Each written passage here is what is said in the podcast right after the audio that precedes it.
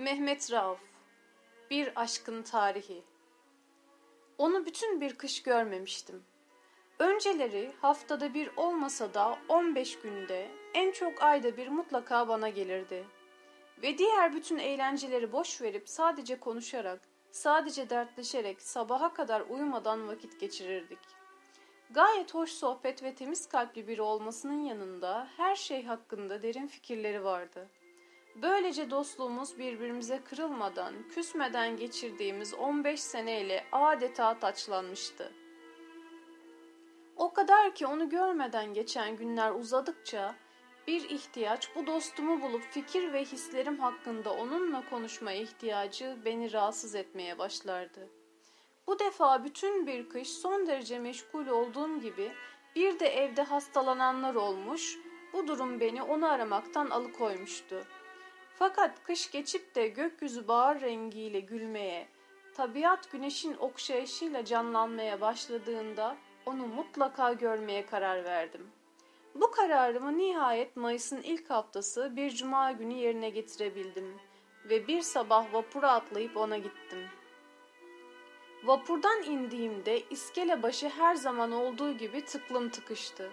Gazino bu sene pek erken saldıran halkla hemen hemen dolu görünüyordu. Şöyle bir göz gezdirip bildik bir yüz arayarak geçerken onunla buluştuğumuz zamanlarda sık sık bize eşlik eden Nuri Bey adındaki genci gördüm. O da beni görmüş ayağa kalkarak eliyle işaret etmişti. Yanına yaklaştım. Bana elini uzatarak mutlaka Macit için geldin değil mi? dedi. Başımı salladığımı görünce devam etti. Fakat Macit kayıplara karıştı dostum. Bir yere kapanmış, ibadetle vakit geçiriyor. Bütün kış Macit'in sokağa çıktığını kimse görmedi. Onu görmeye gidenlerse, şayet kabul edilmeyi başarırlarsa, o eski şen ve konuşkan Macit yerine yalnızlık ve dinginliğinde küflenmiş bir derviş buluyor.'' Öyleyse ben de Macit'i değil, ibadet eden o dervişi görmeye gelmişim, dedim. Biraz oturalım da sonra gideriz, diye teklif etti. Ama ben ısrar ettim. Beni yalnız bırakmayarak eşlik etti. Beraber yürüdük. Demek ki Macit yalnız beni değil, herkesi ihmal etmiş, adeta hayattan kaçmıştı. Bunun çok önemli bir sebebi olmalıydı. Nuri Bey yürürken anlatıyordu. Bu kadar değişmesi hayret edilesi bir şey. Sanki insanlardan nefret ediyor. Kimseyi görmek istemiyor. Onu görmek için evine gidenleri de eğer kabul ederse derin bir suskunlukla karşılıyor. Önceden de hayattan ve insanlardan memnun değildi. Kötümser biri olduğu için insanlardan kaçardı.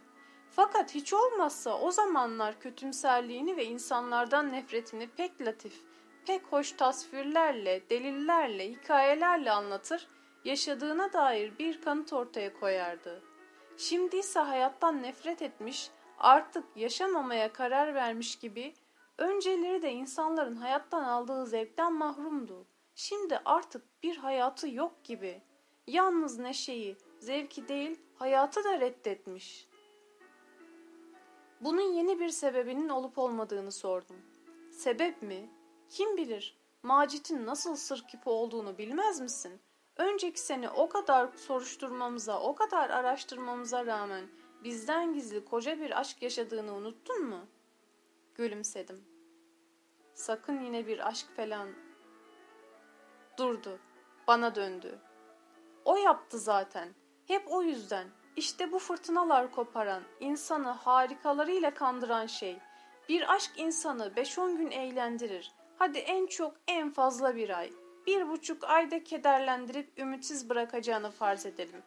Fakat 6-7 ay bir adamı meşgul edecek aşk olur mu? Başlangıcı, doruk noktası, sonra hislerin zayıflamasıyla falan hepsi dahil aşk en fazla iki ay süren bir hastalıktır.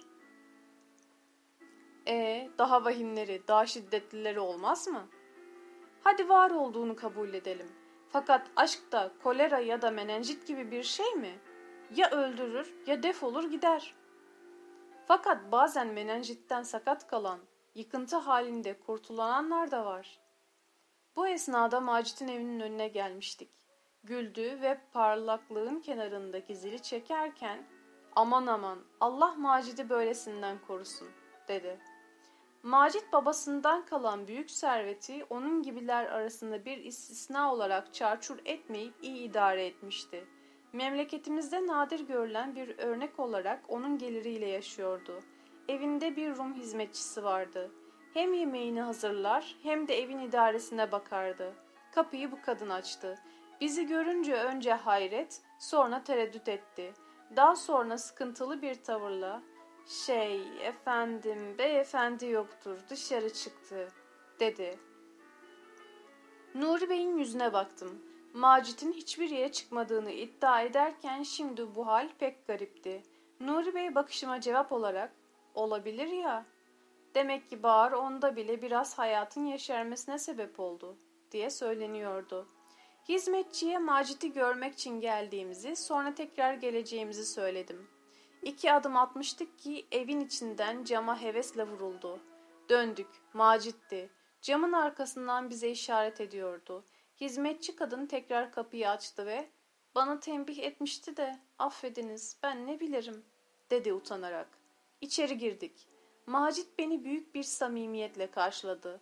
Elimi sıkarken ben Marie köyden her gün gelenlerden biri gelirse diye tembih etmiştim. Sen İstanbul'dan kalkar bana gelirsen de ben nasıl seni kabul etmem dedi. Nuri Bey, Macit bu köylü arkadaşların için pek hoş bir şey olmasa gerek dedi. Macit bizi kütüphanesine sokup beni bir sallanan sandalyeye oturttu. E artık köylü arkadaşlarım da etrafımda kurdukları gözetleme ağının beni ne kadar sıktığını anlasınlar da bu kadar taciz etmesinler.''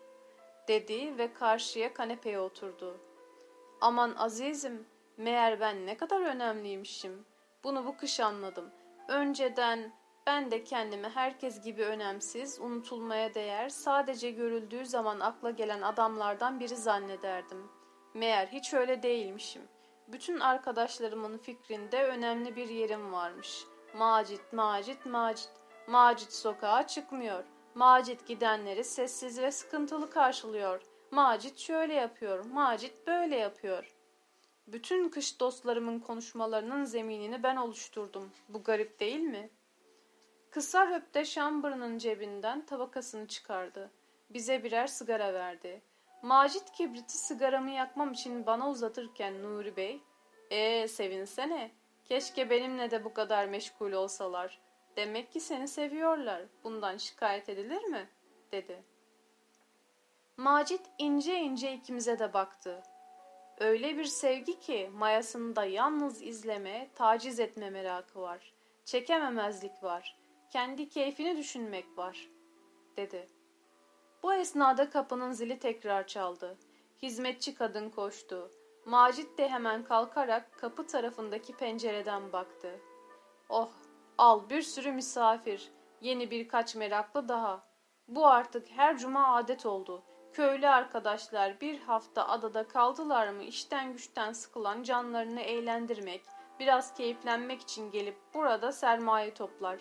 Bu cuma olsun kendimi bu işkenceden kurtarmak istemiştim. Hadi yine feda edelim kendimizi. Kaderine razı bir tavırla tekrar cama vurdu ve kapı açılıp da üç dört kahkahanın yaklaştığı işitilirken bana döndü. Bak Necip, bu fedakarlığa sana hayatımı ve dostlarımı göstermek için katlanıyorum. Bak da ibret al. İkisini yine vaktiyle Macit'in yanında gördüğüm, diğer üçünü ise yalnız uzaktan tanıdığım beş genç odaya girdi.'' Macit'in odasının her zamanki dinginliği bile bu fazla neşeden, bu şamatadan, bu birbiri ardı atılan kahkahalardan şaşırmış, biraz rahatsız olmuş görünüyordu. Bunların ikisi yolda başlamış oldukları ve hala gülmeye devam ettikleri bir bahsi tamamlıyorlardı. Kapının yanında ayakta bazen yüksek sesle, bazense ihtiyatla birbirlerinin kulağına yaklaşarak ve kahkahadan kırılarak konuşuyorlardı.'' Diğer üçü beni görünce resmileşti. Tanışma merasimi gerçekleştirildi. Sigara ikram edildi. Kahkahalı sohbet ancak bu esnada bitti. Bunlardan biri Sabri Bey isminde bir suvari zabıtı, Macit'in elini tutup koparmak istiyormuş gibi bir asker gibi sallayarak Nihayet ele geçtin hain firari dedi. Seni görmeyeli neler oldu? Ortadan kayboldun. Nerelerdesin? Nuri Bey biraz evvel işittiği tuzluca sözlerin tatsız etkisiyle Macit'e kendini savunur gibi canım çalışıyor dedi. Bir büyük Osmanlı tarihi yazıyor. Herkes sizin gibi tembel değil ayol. Baksanıza masa perişan evrakların altında çatırdıyor. Meşgul meşgul. Hepsinin gözleri merakla masaya yöneldi. Macit acı acı güldü. Merak etmeyiniz, merak etmeyiniz. Nuri Bey şaka ediyor. Kitap yazmıyorum. O kağıtlar sadece masraf pusulaları. Sabri tekrar kuvvetli elini Macit'in omzuna attı. E neyle meşgulsün öyleyse? Ortadan böyle kaybolmak için mutlaka bir sebep var. Macit bana acı, şikayet dolu bir bakış attı ve durumu bir şakayla geçiştirmeye gayret ederek hep merak dedi. Hem sen omzumun yanında öyle yeniçeri tavrıyla durursan beni korkutuyorsun ya. Şöyle otursana, durmasana şöyle. Nuri Sabri'yi çekerek yanına oturttu ve onunla gizli gizli konuşmaya başladı. Diğerleri köye dair ortak bir konu açtı derken Sabri tekrar bize döndü. Fakat bu sene adanın kalabalığı ne? Saat dokuz oldu mu kalabalıktan sokağa çıkılmıyor. Piyasa için köydeki arabalar yetmemeye başlamış. Daha Nisan'ın sonunda boş ev kalmamış. Bunun üzerine herkes rastgele bir söz söyledi. Konuşma böylece devam etti. Bu sene bahar ne kadar güzel oldu. Mart'ta Mart değil, Haziran gibi geçti. Bu sene dünya mevsimleri değişmiş diyorlar. Ah, işte bu tuhaf. Demek bu sene harika olacak. Belki bunun Macit'in içine kapanmasıyla da bir ilgisi vardır. Macit gülerek, bari burada benim yanımdayken benden konuşmayı bıraksanız canım. Yalnızken benden başka bir şey konuşmadığınızı biliyorum. Bari burada bırakınız. Bu sırada kapının zili tekrar çaldı. Pencerenin önünde oturanlardan biri, ''Oo Cemil geldi.'' dedi. Hizmetçi kadın daha önce verilen emrin artık geçerli olmadığını anlamıştı. Kapıyı ona da açtı. Cemil içeri girdi. Önce kapının önünde durarak bir reverans yaptı. Sonra bir ayağının üzerinde bir kere döndü ve ''Şık mıyım?'' diye sordu gülümseyerek. Cemil'in birinci merakı güzel giyinmekti. Bunu hakkıyla başardığını her gün özenli ve yeni kıyafetleriyle herkese göstermekle kalmaz, bunun onun yüzüne de söylenmesini ve bir rivayet halinde herkes arasında yerleşmesini isterdi. Nuri bir soruya hemen cevap verdi. Ne demek civanım, ne zaman şık değilsin ki?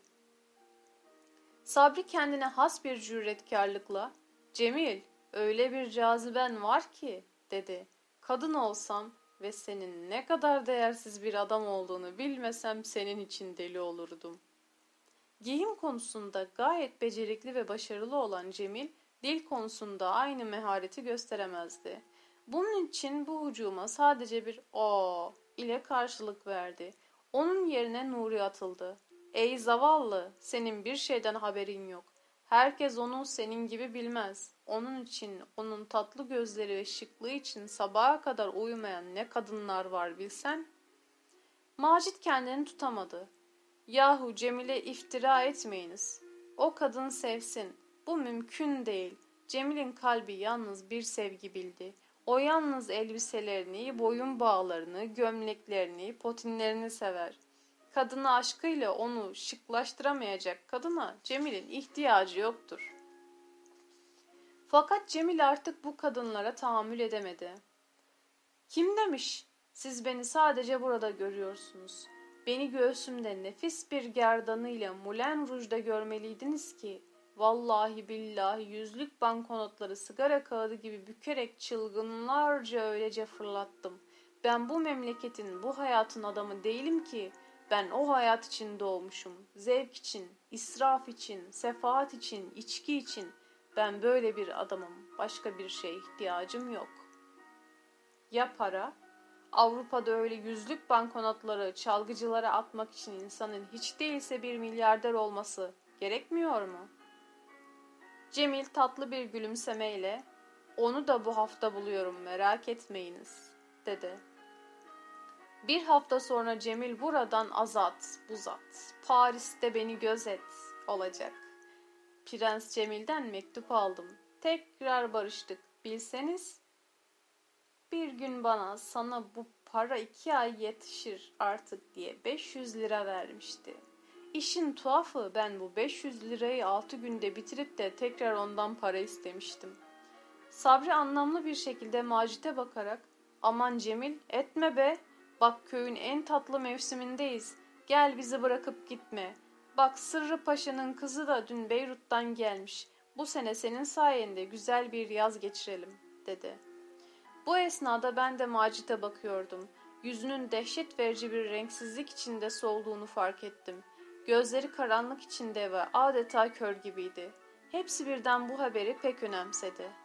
Ne o? Gözün yine dönmüş mü? diye sordular. Sabri, dün, dün Suriye yoluyla Macezeri Maceritemli geldiğini söyledi. O zaman konu ona döndü. Bu beylerin hepsi de onunla çok ilgili görünüyordu. Özellikle Nuri Bey. Güzin Allah için nefis bir kadındır diyordu. Cem ise bu gürültüde benim paşa kızlarıyla işim olmaz. Öyle büyüklük taslayan boş manasız kızlarla ben Moulin Rouge şantözleri, Paris kokotlarını isterim diye feryat ediyordu. Bu övgüler arasında beylerden biri küçümseyen bir tavırla ''Canım bıraksanıza şu kızı be'' dedi. Müsrif, sahtekar, dünyayı kendine köle zanneden, İstanbul'da ondan başka kadın yok iddiasında havasından geçilmeyen bir kız. Hem nesine, babasının serveti Abdülmecit'in lütufları sayesinde olmuş, kendisi ise eh oldukça güzel fakat sahtekar, gösterişçi, şımarık bir şey. Nuri savunmaya geçti. Eh oldukça güzel mi? Dünyada bundan başka güzel kadın nasıl olur bunu bilmek isterim. Sizin onun küçük görmeniz, onun sizi küçük görmesinden kaynaklanıyor olmasın. Büyüklük taslamaya gelince bizim gibi erkeklere büyüklük taslaması bence en önemli meziyettir. Karşısındaki hiddetle köpürerek büyüklük taslamak mı?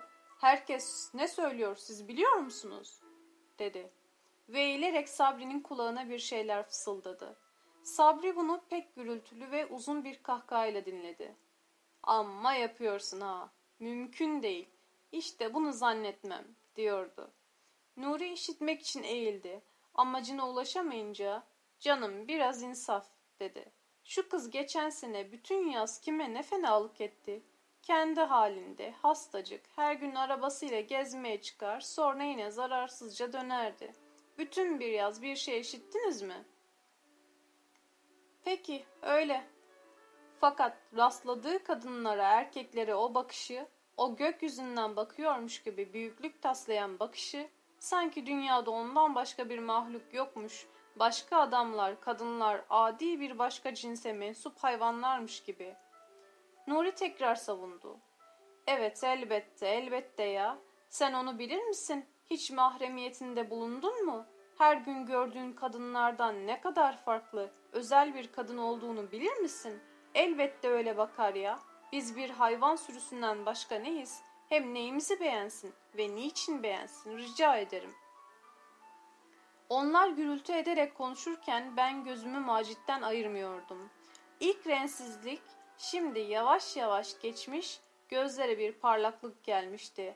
Ancak ara sıra bu parlaklık ani saldırılarla coşup taşıyor, o da konuşanlara katılmak istiyorsa da tereddüt ettiği belli oluyordu. Nuri'nin bu çıkışı Sabri'nin büyüklük taslama iddiasını yerle bir etmişti. Sabri kendine özgü bir kabalıkla ''Canım sen de şimdi beni çirkin çirkin söyleteceksin. Bizi beğenmemek için kendisinin nesi var? Sen bir kere kulağını aç da dedikoduları dinle.'' Bak bir kere onun nasıl bir kadın olduğunu gör, anla.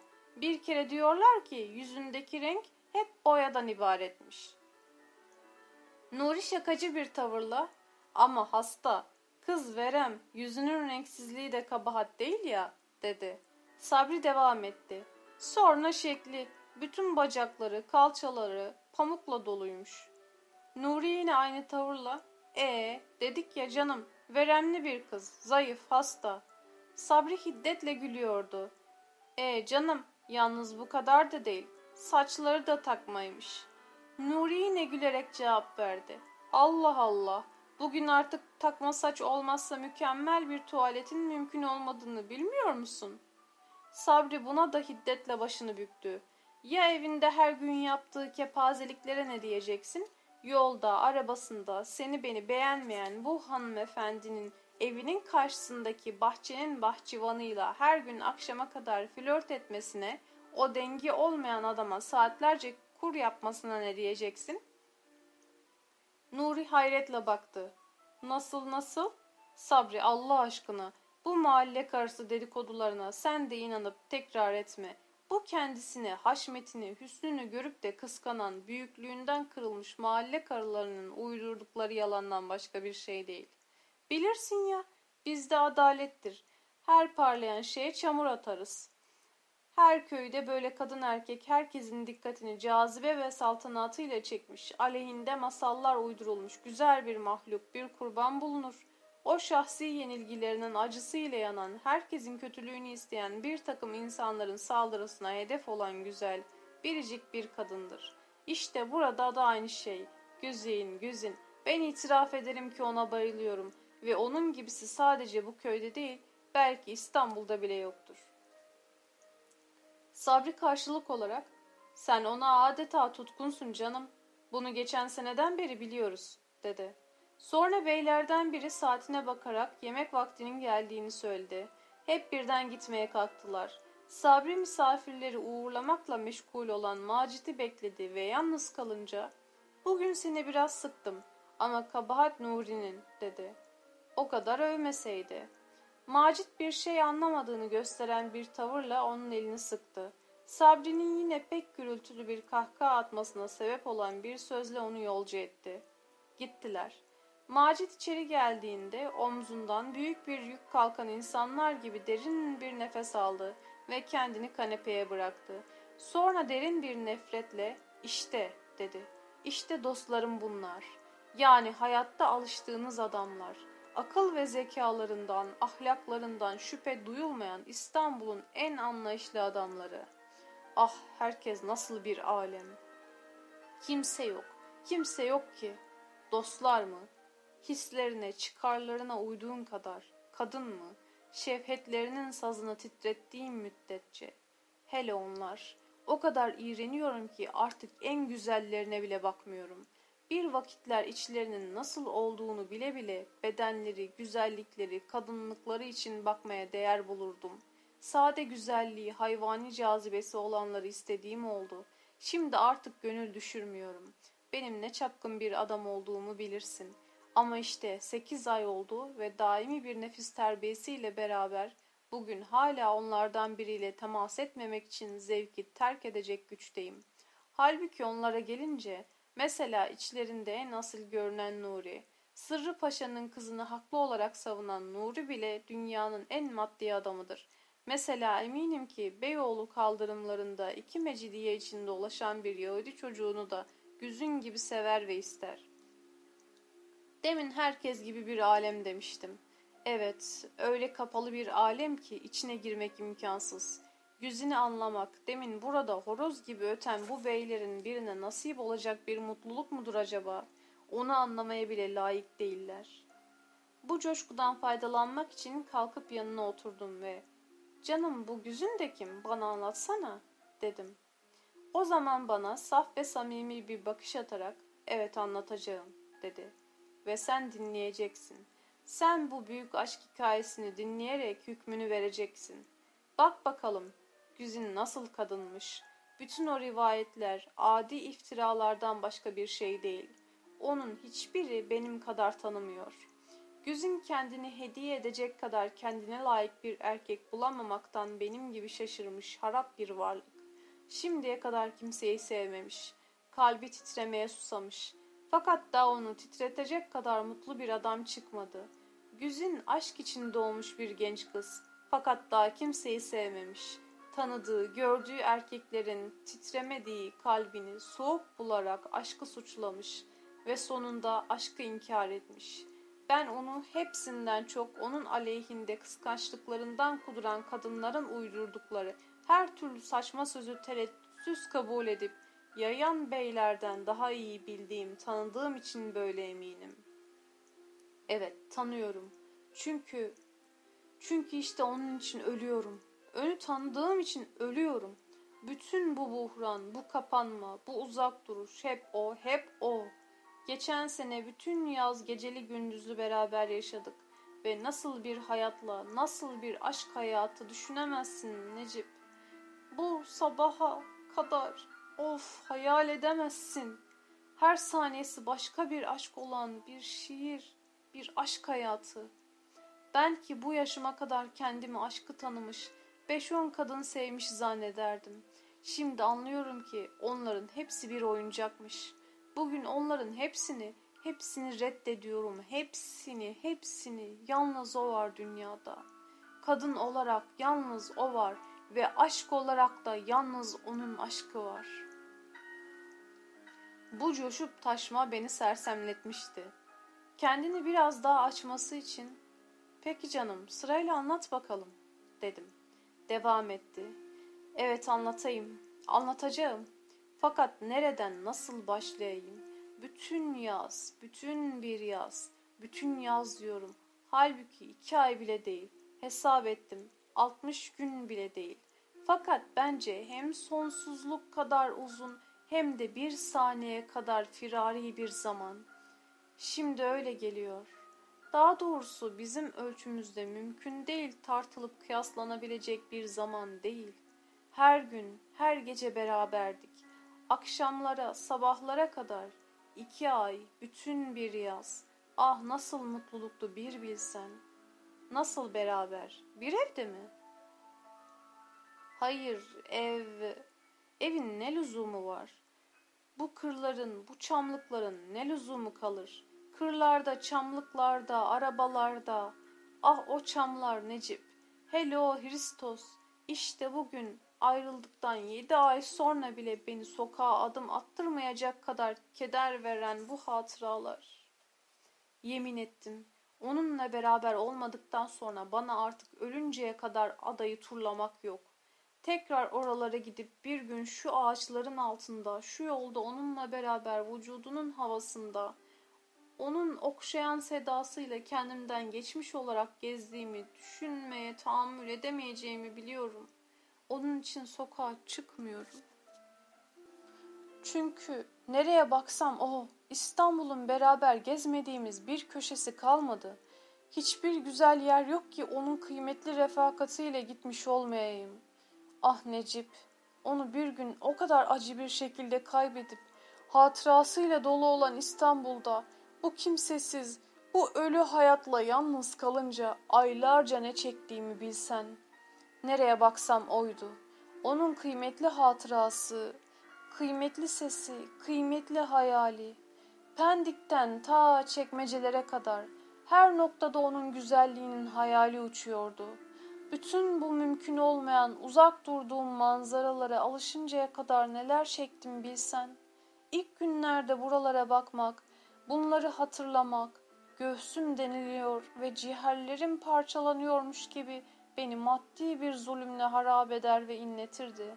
Tıpkı bir ateşle dağlanıyormuşum gibi tahammülü mümkün olmayan bir his. Fakat ada, ada öyle mi? Burada gezmek nasıl mümkün olur? Burada gezmek, o manzaraları uzaktan görmek gibi değil ki. Gidip de belki ayaklarının izini görmek, sesini işitir gibi olmak, güzelliğinin kokusunu, geride kalan ışığını hissetmek.'' hekimlerin ihtiyarlarına kulak vermeyip benim için hasta hasta gece yarılarına kadar sokaklarda gezdiğini düşünmek. O zaman sordum. E bana doğru söyle bakayım. Bir kere olsun bir evde, bir yerde buluşmadınız mı? Yüzüme hayretle baktı. Nasıl soruyorsun? Ne yapacaksın? Sen söyle. Nerede buluştunuz? Buluştuk. Üç kere başkalarının evinde. E bir şey olmadı mı? Hiddetle haykırdı. Ah işte, işte sen de oraya geldin. Büyük, yegane, en önemli mesele. Madame Victor Hugo'yu sevmiş biri. Aralarında bir şey oldu mu? Bütün Fransız edebiyatı ikiye bölündü. Yattı mı, yatmadı mı? Mühim mesele. Halbuki işin en önemli noktası onun iki ay gece gündüz benimle vakit geçirmesiydi. Kimse bunu düşünmüyor. Senin de merak, meraktan kudurtayım. Hayır, hiçbir şey olmadı. Ve bugün bana hala üzülüyor değilim. Bunu sen de pek tuhaf buluyorsun. Hatta Sabri ve Nuri işitse ilk sözlerinin bana eşek diye haykırmak olacağına eminim. Halbuki hiçbir şey olmadı ve ben daha ziyade mutlu oldum. Rastladığın her kadına hemen sahip olmaktan ne zevk olduğunu ben hiç anlamıyorum. Ben böyleyim. Hayal et ki ancak bir ay sonra elini öpebildim. Bir sigara yakarak aman aman dedim. Bu pek garip bir hikaye. Şunu sırasıyla anlatsana. O zaman heyecanının tonuna göre renkler, manalar yüzüne kah bulutlar, kah güneşlerle aksederek pek de hakim olmadığım ruhunun tüm hisleri gözlerinde benim için şiddetle açığa çıkarak anlatmaya başladı. Geçen yaz başında bizler yani adanın genç haylazları mevsimin getirdiği kiracıları alışkanlık üzere merak ederek ilk turlara başlamıştık. Rastladığımız arabalardaki güzel yüzleri inceleyerek kişilere dair ufak tefek bilgiler oluşturmaya başlamıştık. Güzün de o zaman ortaya çıktı. Haziran ortasına doğruydu. Her gün turda görülen arabaların arasında yanında kah bir Hristiyan kadını, kah yaşlı bir kadınla bir genç kız görünmeye başladı. Adadaki bütün olaylardan haberdar olan bizler için önemli karşılanmaya değer bir durumdu. Hemen araştırmaya anlaşıldı ki Sırrı Paşa'nın kızıymış.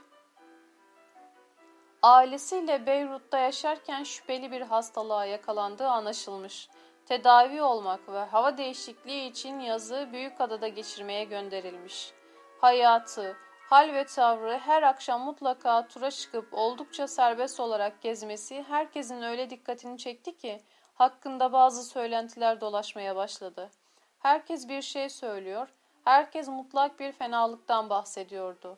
Halbuki o son derece kibirli görünüyor bir kalabalığa denk geldiğinde kimseye bakmaya layık bulmuyormuş gibi ilgisiz ve ciddi bir havayla geçip gidiyordu. Benim çok ilgimi çekmişti. Sadece benim değil, bütün arkadaşların da dikkatini çekmişti. Hatta Nuri her yerde, herkesin içinde kendine özgü bir açık yüreklilikle yüzüne bayıldığını, onu enfes bulduğunu ilan edip duruyordu.'' Ben yine ara sıra yakalanmayı adet edindiğim aşk ihtiyacı krizlerinden birini geçiriyordum. Yaralı ve haraptım. O zamana kadar gördüğüm kadınlar arasında dikkate değer, arzu uyandıran birine rastlamamıştım. Yüzünde öyle büyüklük tasladığını gördüğüm için onu arzu etmek, böyle yüksek bir hedef belirlemek, buna cesaret etmek mümkün olmuyordu. Nihayet bir sabah İstanbul'a gitmek için iskeleye inmiş vapurun gelmesini bekliyordum. Baktım arabası geldi ve Güzin arabadan inip karşıdan kalabalığın içinden kendine has bir büyüklük ve saltanatla yürümeye ilerlemeye başladı. Orada birikmiş kadın erkek bütün halk ona hayret ve beğeniyle bakıyordu. Şüphesiz hepsi de benim gibi itiraf ediyorlardı ki bir kadın ancak bu kadar nefis olabilir. Neyse herkesi bilmem fakat benim önümden Beni yürüyüşü ve tantanasıyla kendimden geçiren şey oydu. Vapura girdik. Vapur hareket etti. Ben hala bu güzelliğe bakarak gökyüzünde şiir ve aşkın sonsuzluğundan uçuyordum. Kendi kendime niçin olmasın diyordum. Yüksek. Fakat daha iyi değil mi? diye tereddütlerimin yavaş yavaş eridiğini hissediyor, adeta karar veriyordum. Hatta ona yazacağım mektubun cümleleri birer birer aklımda oluşuyordu. Defterimi çıkartarak bunları yazmaya başladım. Fakat böyle bir karar vermekle bu kararı uygulamak arasında ne kadar mesafe olduğunu bilhassa sen bilirsin. Çünkü sen de aynı yolun gazisisin. Bir kere mektup yazsam, bu mektubu ona vermeyi kararlaştırsam bile bunu ona nasıl ulaştıracaktım? Yolda arabasına mı atacaktım? Bu kağıthane ve Fenerbahçe usulünü elbette ben de en az onun kadar nefretle karşılarım ve böyle atılan bir mektupla arabasını kirletmemek için mektubu şemsiyesinin ucuyla sokak ortasına fırlatması gayet haklı bir hakaret olurdu. Sonra onu iyice araştırıp şimdiye kadar olduğu gibi değil, bir de bu yeni bakış açısından anlamak gerektiğini düşündüm. Bir hafta boyunca onu araba turlarında inatla takip ederek anladım ki hakkında ada kadınlarının çıkardığı söylentilerin hiçbirine inanmamak gerek. Rivayete göre herkesin içinde havalı bir şekilde dolaşan bu hanım tenha yerlerde rastladığı erkekleri gülümsüyor ve iltifat ediyordu. Halbuki tenhada olsun, kalabalık içinde olsun tam bir ciddiyetle geziyor ve yolda rastladığı arabalardan kendisine yapılan sevgi gösterilerine daima ilgisiz kalıyordu. Bana rastlandığında tabii yine aynı şekilde ilgisiz ve ciddiydi. Bu ilgisizliğinin ne kadar asil ve doğal bir şey olduğunu takdir etmek için Güzin'in halini, tavrını bizzat görmek lazım. Seni görünce açık pencerelerini indirecek kadar itinayla kapanan ama sonra karşılaştığınızda yürüyüşlerini, turlarını ellerinde olmadan değiştirip düzeltmeye çalışarak varlığının etkisiz olmadığını gösteren kadınlar vardır. Güzünse sen hiç yokmuşsun, o sanki tek başına tenha bir yerden geçiyormuş gibi bir ilgisizlik içinde kalır. Nihayet bir hafta süren bu takipten sonra öyle bir hale geldim ki ya tamamen üzülmek ya da başarılı olup somut bir neticeye ulaşmak mutlak bir ihtiyaç halini aldı. Her gün her haline biraz daha fazla tutuluyordum. Kendi kendime ah bu genç kız tarafından sevilmek, bu ilgisizliğin sizin için eridiğini, onun yerine sönmez bir ateşin ortaya çıktığını, dünyaya karşı büyüklük taslayan bu varlığın yalnız sizin için fedakar, müşfik, tam anlamıyla size bağlanmış olduğunu görmek saadeti diye sızlanıyordum. Mektubu nasıl vereceğimi uzun uzun düşündükten sonra iskelede çikolata satan bir çocuğu uygun buldum. O da herkes gibi Hristos'ta ya da yollarda yüzünü görmüştü, tanıyordu. Bir akşam turdan dönüşünde arabasından inerken çocuk ona yaklaştı. Ben şimdi reddedecek, almayacak diye bin bir heyecan, bin bir çırpıntı ile kıvranıp karşıdan bakarken mektubu yüzüne uzattı. Çocuk muhtemel sorulara verilecek cevapları benden dinleyip tekrar ederek ezberlemişti. Mektubu elinde tutup şöyle bir baktığını, sonra çocuğa bir iki söz söyleyerek mektup elinde evden içeri girdiğini gördüm. Çocuk koşarak yanıma geldi. Eline şek ve sevinçle bir mecidiye sıkıştırdım. Çocuk üç günde ancak kazandığı o mecidiyeyi şimdi beş dakikada kazandığını söyleyerek sevinçle koşarken ben de mektubumu reddetmeyip kabul ettiğini düşünerek deli gibi uçarcasına iskeleye bindim. Bu ilk başarımdı. Çünkü tam bir cesaretle iddia edebilirim ki maharetle yazılmış bir mektuba karşı koyacak kadın yoktur. Hele güzüne yazdığım gibi bir mektuba. Bunu hangi kadın okursa, ne kadar mağrur olursa olsun, gururunun okşandığını hissederek kalbinin en gizli köşelerinde bir memnuniyet, bitmez bir zevk duyacağı şüphesizdi. Dünyada hiçbir kraliçe, hiçbir zaman bu kadar yüceltilmemiştir.'' Onu memnun edip bu mektubun kimin tarafından yazıldığını merak ettirmek. İşte ilk saldırının amacı buydu. Çünkü mektup imzasızdı. Uzun uzun İstanbul'da bakılacak, dikkate değer bir kadın olmadığı için kendimi çölde kalmış biri gibi gösteriyordum.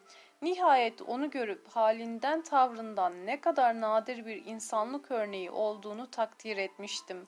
O kadar cazip ve yüceymiş ki sahip olduğu yüksek vasıflardan dolayı büyülenmişim ve bunu hiçbir ümit olmadığı halde kendisine ilan etmek benim için bir ihtiyacı olmuş, bu mektubu işte bu yüzden yazmışım. Bir kadını mağlup etmek için onun ruhunu, ruhunun eğilimlerini bilmek ve ona göre bir düzenle saldırıya geçmek lazımdır. Güzün pek kibirliydi. Kendini bu mühitin çok üstünde buluyordu. Benim hucumum da bu bakış açısıyla düzenlenmişti. Hemen itiraf edeyim ki ben onu henüz o büyüklüğe, o ciddiyete rağmen bizde emsali pek çok olan sahte, gösterişçi, şımarık bir paşa kızı olarak kabul ediyordum. Bu işe önce adi bir oyuna girer, mevsimlik bir eğlence arar gibi başlamıştım. Bunun için ilk mektuplarımda saygı ve cesaretsizlikle pek küçük göründüm ve onu pek büyüttüm. Beni bir züppe olarak görmemesini, Özellikle kendisi gibi bu mühitin pek üstünde olan bir yaratılış harikasına böyle bir mektup vermek cesaretinin harikuladeliğini affetmesini rica ediyordum. Bu cesaretin yalnız uzun seneler gıdasız kalmış ruhumun nihayet aradığı güzellik ışığına rastlamasının verdiği mutluluğun delili için ortaya çıkmış ve elde olmayarak işlenmiş bir hata olduğunu, gerçekte onun böyle ileri gitmelere cesaret edilemeyecek kadar yüce ve yüksek olduğunu söylüyordum. Şimdi bu mektupların Fransız aşk ve ruh romancısı Sethaller'in tabiriyle yüzünde sebep olduğu ateşleri hayal et. İlkinde hep onu övdüm. İkinci mektuptaysa kendimi daha iyi tanıttım. O pek yüksek bir kadındı. Ben de bu erkekler arasında ona layık olacak bir erkektim. Şimdi emindim ki onun içini yiyip bitiren şey acaba kim sorusuydu ve her an benim kim olduğumu gösterecek bir şey, bir işaret bekliyordu. İşte bunu üçüncü mektubum yaptı. Onu imzalı gönderdim. Bunda ilk iki mektubumdaki ricaları tekrar ederek beni gördükçe nefret etmemesi için ona yalvarıyordum. Sonra eğer sizi bütün kadınların üstünde biricik bir varlık olarak görüp hissettiğim bu arzu ve ihtiyacı elimde olmadan göstermek bir kabahatse bile kalbinizin büyüklüğünü ispat için hiç olmazsa hakaret etmeyiniz diye rica ediyordum. Bu mektubu verdikten sonra artık tura çıkamaz oldum. Ya beni gördüğü vakit dehşete düşüren acı bir hakaretle alay edip eğlenirse diye harap oldum. İşte buna bir çare olması, aynı zamanda onun ruhu ve arzusu hakkında da bilgi edinmek için dördüncü mektupta büyük bir cesaretle bir randevu verdim. Eğer yola gelecek gibi bir şeyse bu randevuda anlaşılacaktı ve eğer böyle ele geçmeyecek inatçı bir kızsa ben de takibi bırakıp biraz rahat edecektim. Artık bu kararlardan sonra rahat rahat tura çıkar ve onu görünce ilgisiz ve içim rahat kalabilirdim. Eğer çarşamba günü sabahı arabasıyla Hiristos'tan geçerse anlayacaktım ki beni orada burada karşısında görmekten nefret etmiyor ve haftada bir olsun mektubumu almak hoşuna gidiyor. Bugün buna nasıl cesaret ettiğimi hala hayret ediyorum. İnsan sevmeyince pek cesur olur. O zamanlar ben onu sadece istiyordum. Aşk sonra geldi. Bu oyuna girdiğime pişman olmuş ama bu kadar gayretten ve başarıdan sonra zira arka arkaya aynı şekilde verilen mektuplarımı reddetmeyip alması bir başarıydı. Öylece bırakmaya da kıyamayıp eğer hiçbir ümit yoksa bitsin yahut başlasın diye böyle bir cesarette bulunmuştum. Çarşamba sabahı Hristos'a çıkarken gelmeyeceğine emindim. Dünyayı yaşadığı yıldızlardan seyreden, başörtüsü arkasında cihana bir kraliçe kibriyle bakan, kirpikleri pek çok şeyi süzdükten sonra dünyayı görmeye tahammül eden bir kibir ve büyüklük tanrıçasıydı o. Benim randevuma gelmesi, bu mümkün müydü?'' Belki mektuplarımı bile okumamış, öfkeyle yırtmıştı. Hristos'ta oturdum. Gözlerim araba yoluna dikilmişti. Bir çeyrek kadar vakit geçti. Tek tük arabalar geliyordu. Derken karşıdan onun arabasını görür gibi oldum. Baktım. Hakikaten oydu. Ah Necip, o anda sanki çekeceğim bütün acıları yaşamadan önce hissetmiş gibi yüreğim büyük, nihayetsiz bir korkuyla atmaya başladı.'' beni mahvetmeye ve telef etmeye geliyormuş gibi kendi kendime zevkten ziyade korkuyla aman ya Rabbi geliyor geliyor diye inledim. Ben onun gelmesini bile ummazken ilk mektubumu orada aldım. Ah bu mektup. İşte benim esaretim bu mektubun sonucudur. Beni işte o mektup mahvetti. Şimdi böyle bir kızın mektubunu nasıl hayal edersin sen? Hayır her türlü düşüncesinin üstünde acı, ciddi, inleyiş dolu bir mektup. Uzun uzun hastalığından bahsediyor. Hasta ve tedaviye muhtaç bir kızın böyle dikkat çekebilmesine hayret ediyor. Bir yanlışlık olmasın diye ihtiyatla ve çekinerek ben öyle güzel bir kadın değilim. Bu derece ilginizin anlamı ne? Ben ölmeye mahkumum. Bu yüzden kimseye bir fenalığımın dokunmasını istemem. Merhamet ediniz. Beni kendi halime bırakınız. Yalnız bana bir edebi eser okuyormuş hissi veren mektuplarınızdan beni mahrum bırakmayınız, diyordu.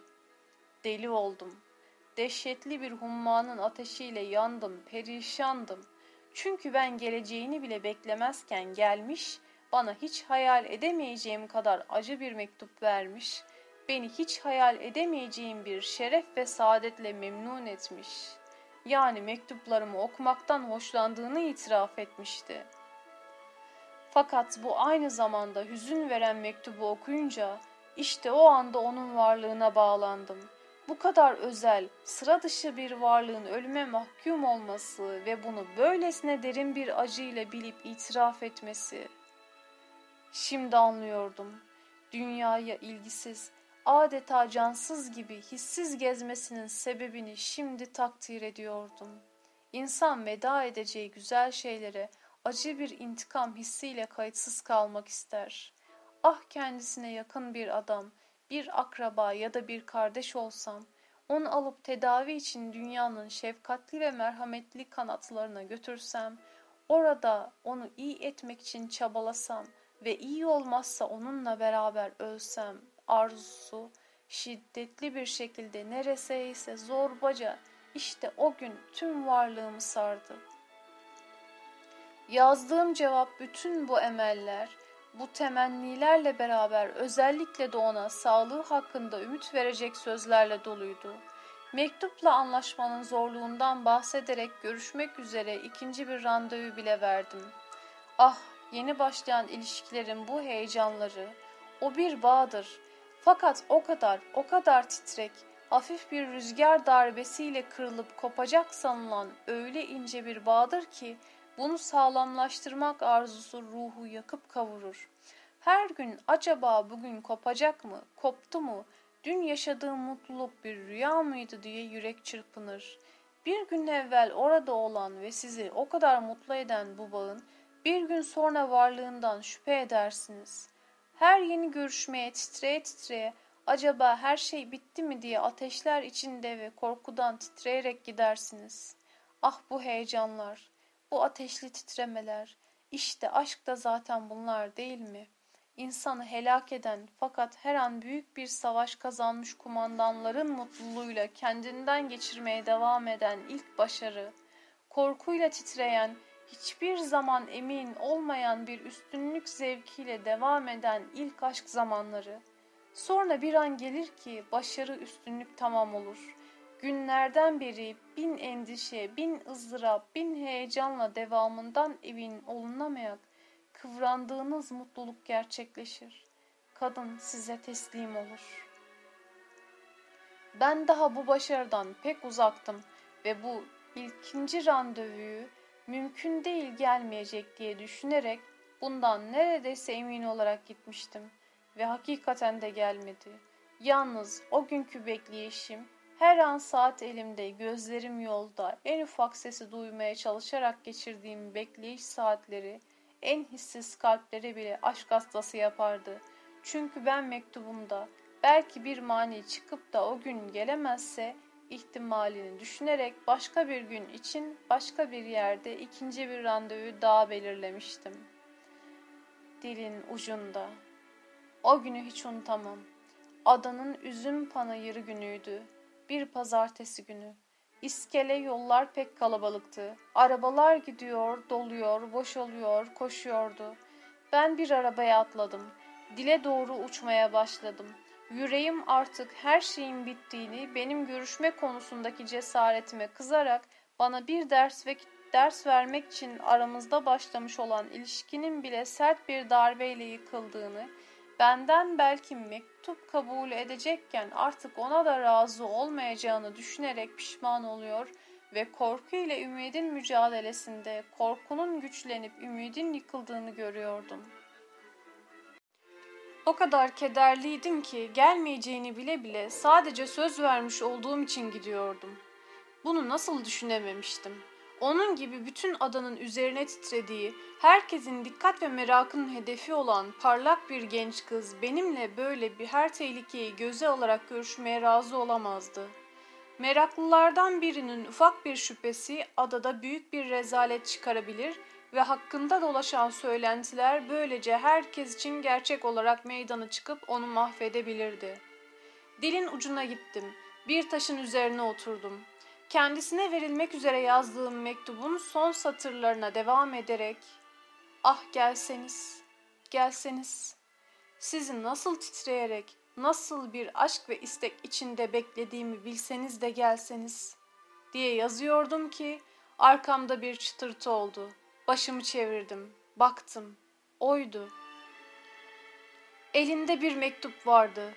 Titreyerek acele ettim. O da telaşlıydı. Mektubu verdi. Benim mektubumu aldı ve rica ederim siz biraz sonra geliniz. Belki görürler de deyip gitti. Yanındaki ihtiyar kadınla uzaklaşırken ben ilk defa işitmiş olduğum bu sesin delirtici ahengiyle sarhoş, büyülenmiş, ezilmiş, kımıldamayarak ona bakıyordum. İyice uzaklaşıp kaybolduğunda sallanarak bir ağaca dayandım. Mektubunu açtım. Bunda çok başka bir söz arasında hastalığı hakkındaki merakım ve teminatlarım için bana teşekkür ediyor. Fakat bu hastalıktan kurtulmasının mümkün olmadığını tekrar ederek bütün doktorların ümidi kestiği ölüme mahkum bir kızım diyordu. Böyle şevhetli ve aşk dolu bir genç kız için ne acı bir ifadeydi bu. Nihayet benim verdiğim her randevuya gelmesinin mümkün olmadığını ve mektuplarımı da bir daha o çocukla göndermeyip her gece yemekten sonra nizam yolunda yaptığı küçük gezintisi sırasında benim ona vermemi fakat bunu yaparken çok dikkat etmemi söylüyordu. Bu esnada hizmetçi kadın yemeğin hazır olduğunu söyledi. Yemek odasına geçtik. Sofraya oturduk. O ilk heyecanı henüz geçmemişti. Hikayesine devam etti. Nihayet, nihayet güzüne yaklaşmakta başarılı olmuştum. Çünkü bu mektubuyla bana adeta onunla görüşmeme izin veriyor demekti. Ben onu nerede ve nasıl göreceğimi düşünüp taşınıp bir türlü bir karar veremezken o sadece bir cümlede görüşmek için yeri ve zamanı belirleyivermişti. İtiraf etmek gerek. Kadınlar bu konuda bizden daha aktif ve daha becerikli. Bir görüşme ayarlamaları var ki üstelik bu görüşmenin her türlü tehlikelerden uzak olmasında da öyle başarılı oluyorlar ki Tüm bunlar yaşanırken bizim arkadaşların yanında bulduğum zamanlarda ara sıra Güzün'ün bahsi geçerdi. Nuri adeti olduğu üzere büyük bir aşkla ona tutkun olduğundan bahseder, Sabri ilk günden beri devam ettiği Güzün aleyhtarlığına ona çullanırdı. Arkadaşlarım adanın dört köşesinde Güzün hakkında uydurulan bütün o sövüp sayma ve iftirayı tekrar eden ben kendi köşemde ah bilseniz bir bilseniz diye kendi kendime gülerdim. O mektubu aldığımın gecesi yemekten sonra kendimi hemen nizam yoluna attım.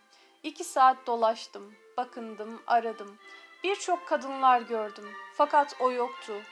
Beni bilirsin, aşkı olan meylim kadar belki daha bile fazla şüpheye meylim vardır.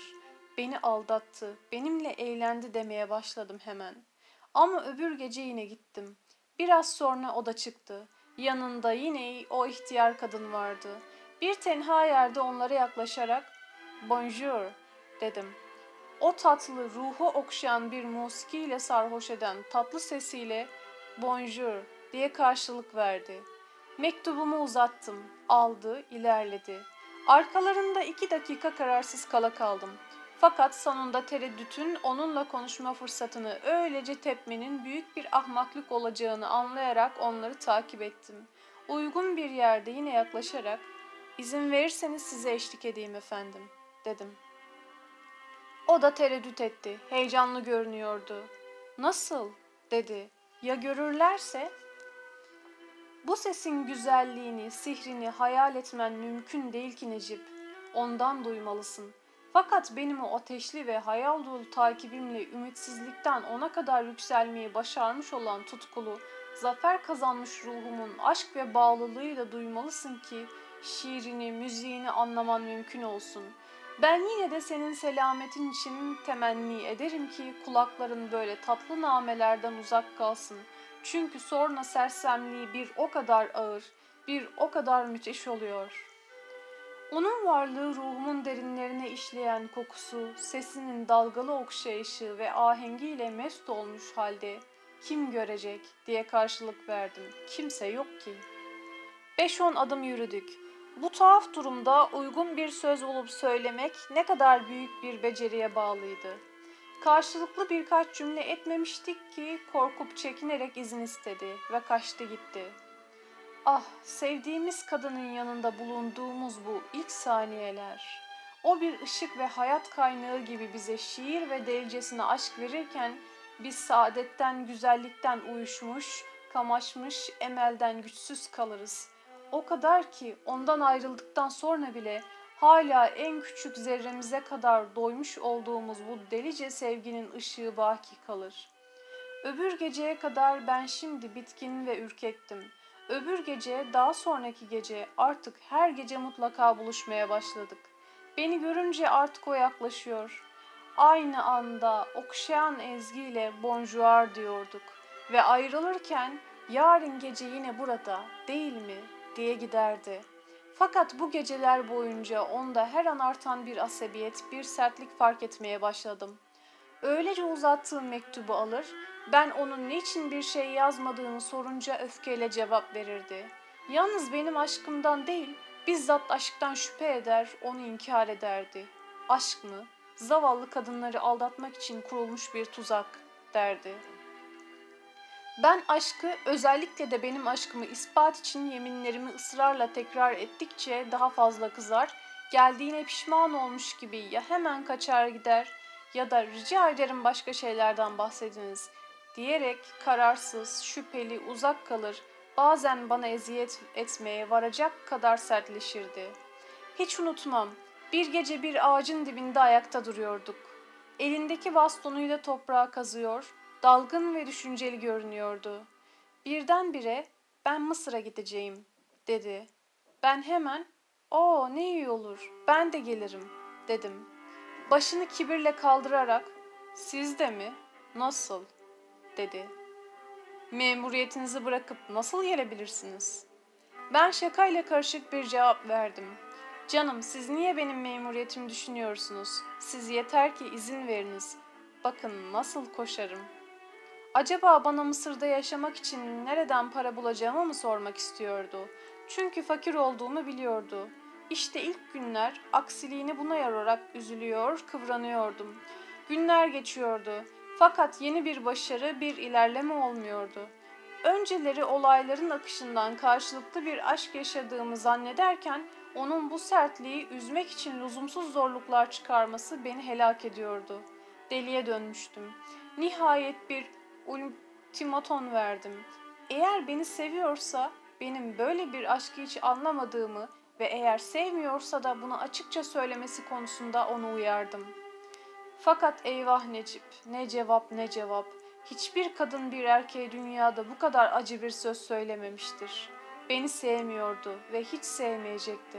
Bana sadece bir dost sempatisi vardı. Bu gece gezintileri kendisini eğlendirmiyor değildi.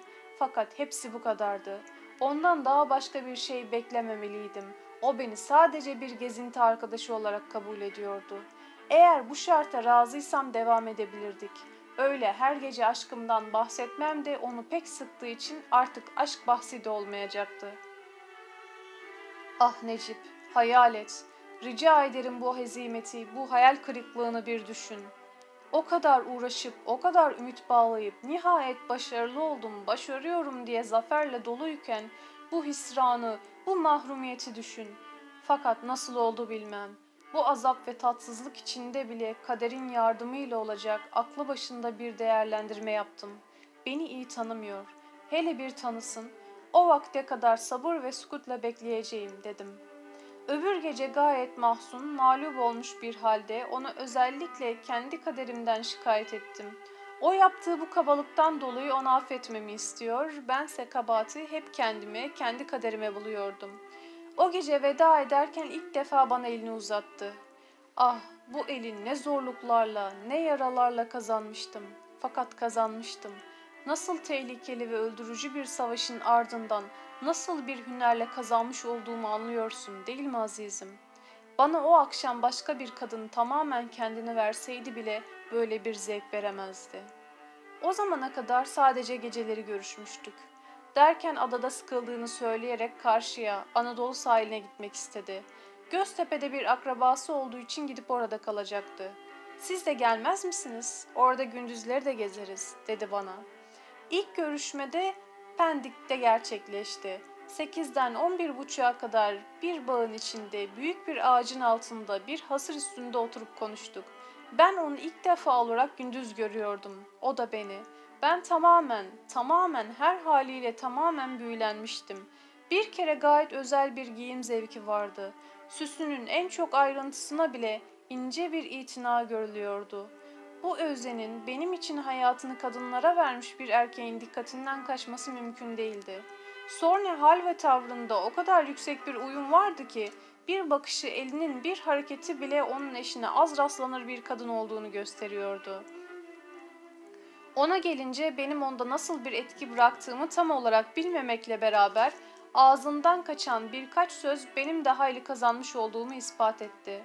Mesela biz dalmış konuşurken akşam olmuştu.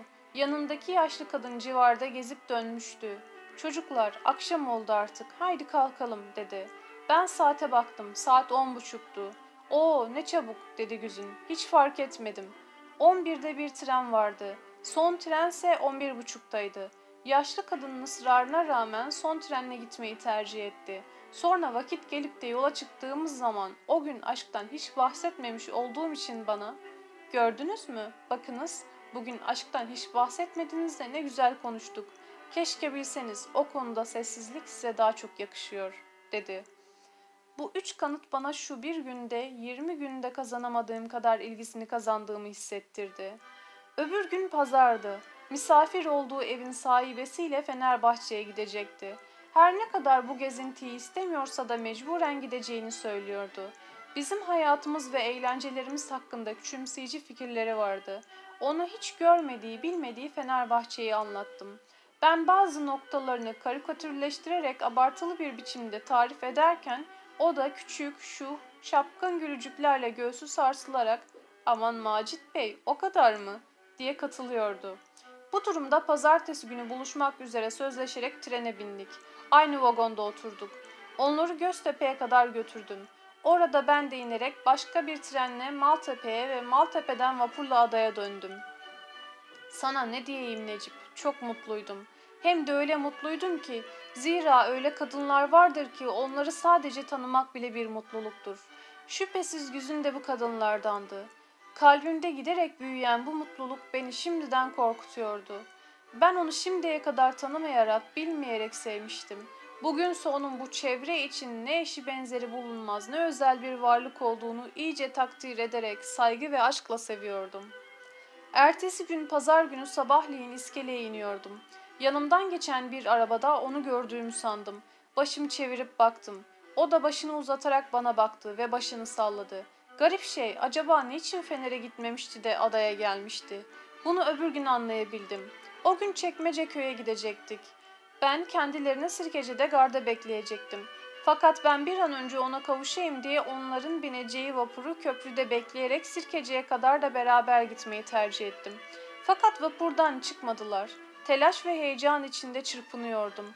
Bundan önceki vapurla gelmiş olmaları mümkün değildi. Yoksa hiç mi gelmeyecekti? Yoksa her şey bitmiş miydi?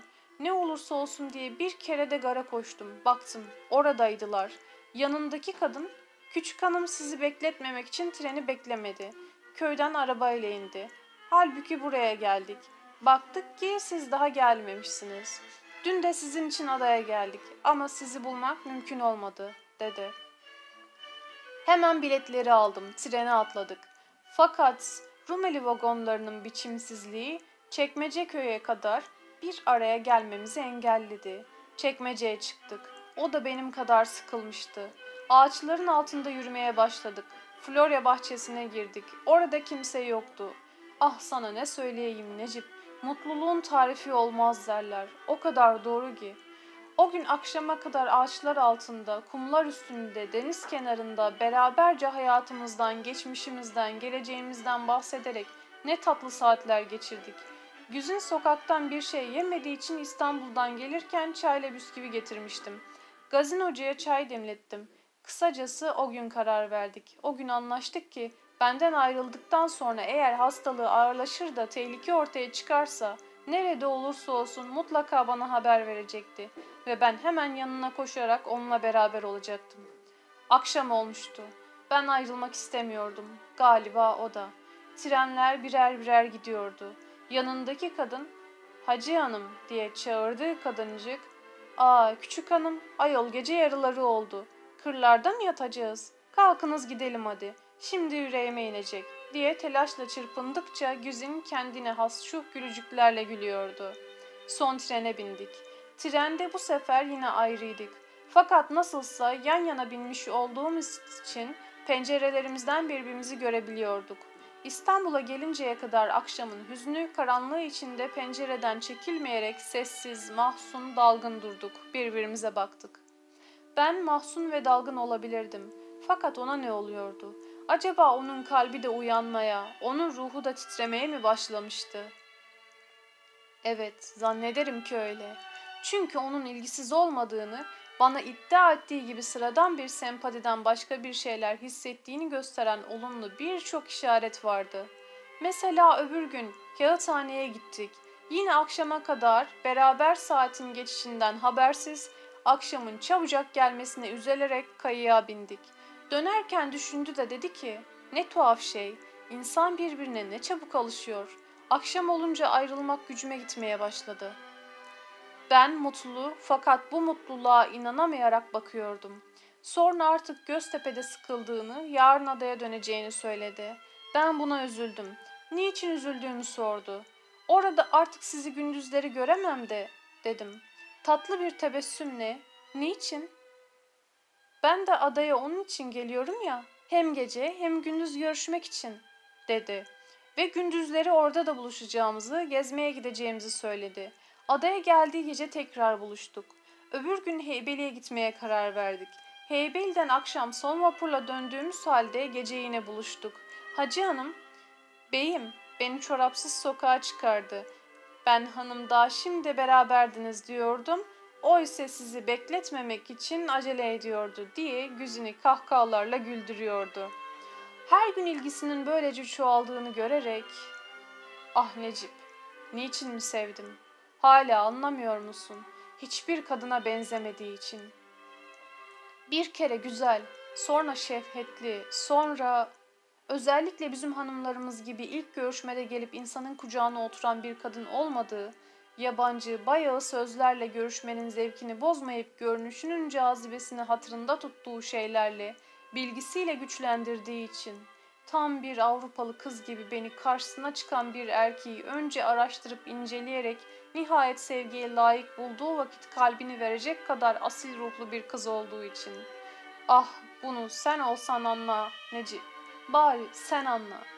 Beni her kadın gibi başlangıçta yalan söyleyip seviyorum diye aldatmamış, sevmiyorum demiş ve her gün ilgi ve sevgisinin bir parça daha çoğaldığını göstermişti. Buluşmalarımız yavaş yavaş gezinti arkadaşı görüşmesinden çıkıp aşk görüşmesi olmaya başlar gibiydi. İlk günler gayet ciddiydik. Ciddi ciddi dünya hallerinden bahsediyorduk. Fakat onun kalbi de titremeye başladığında konuşmalarımız daha özelleşti. Yavaş yavaş bana aşkımdan bahsede izin verdi ve ben onun ayaklarının dibine çam dallarının üzerine oturup saatlerce aşkımdan bahsettim. Bazen inanmaz gibi görünür, pek abartılı bulur ve ben elini tutarak mahzun mahzun hala, hala mı şüphe ediyorsunuz deyince başını onayladığını gösteren bir tavırla eğerdi. Söyle, derdi gülerek. Hadi al bakalım sazını eline de söyle. Ben başlardım ve ah neler söylerdim. Ne ricalar, ne benzetmeler, ne menkıbelerde bulunurdum. Bunları kendinden geçerek dinler gibi dururdu. Ben hakiki aşıklar gibi her şeyden önce geleceği kurmayı düşünür, ona hayatımı verirdim. O ise buna omuz silker.'' Zavallı dostum, benim için gelecek. Siz bilmiyor musunuz ki mezardır, derdi. Artık yemek ve uyku vakitleri dışında daima beraberdik. Onun böyle yürümeye alışmamış olduğu halde benimle buluşmak için zahmetlere katlanıp uzun uzun yol yürümesi. Doktorların tüm tembihlerine rağmen geceleri rutubete maruz kalarak her gün, her gece buluşmayı kabul etmesi. Ah bunlar benim hazinelerim Necip. Onun kalbinde kazandığım zafer adımları. Bu zaferler yanında bir kadına ilk veya ikinci görüşmede sahip olmak bir hiç. Bir kadının vücuduna sahip olmak en sonraki iştir.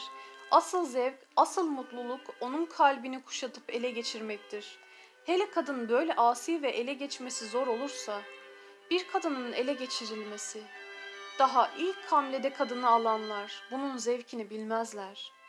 Niçin mi sevdim? Bu meselelerde onun ruhu da benimle uyum içinde olduğu, yeni fikirli ve benim başka erkeklere benzemediğimi anlayacak kadar ince bir kız olduğu için. O da benim gibi kendi çevresine tamamen yabancı, budalaca bulduğu kuralları hakaretle kırıcı, batıl inançlara karşı kayıtsız, ateşli, sonra da şen ve gülücük saçan bir kız olduğu için. Ağzından bir kere yalan çıkmadı Necip. Bir gün verdiği sözü tutmadığı olmadı. Bilsen ne kadar kibar, nasıl samimi, şen, sadık, merhametli ve şefkatli. Ne saadetler tattırır. Bazen ne merhametlileri, ne iyilikleri olurdu. O günlerde bende bir öksürük çıkmıştı.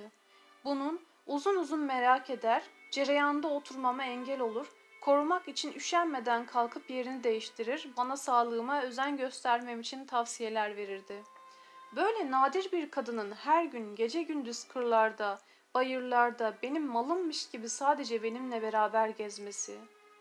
Onu uğrunda can feda etmenin azizlik sayılacağı kadar güzel ve kutsal görüyordum.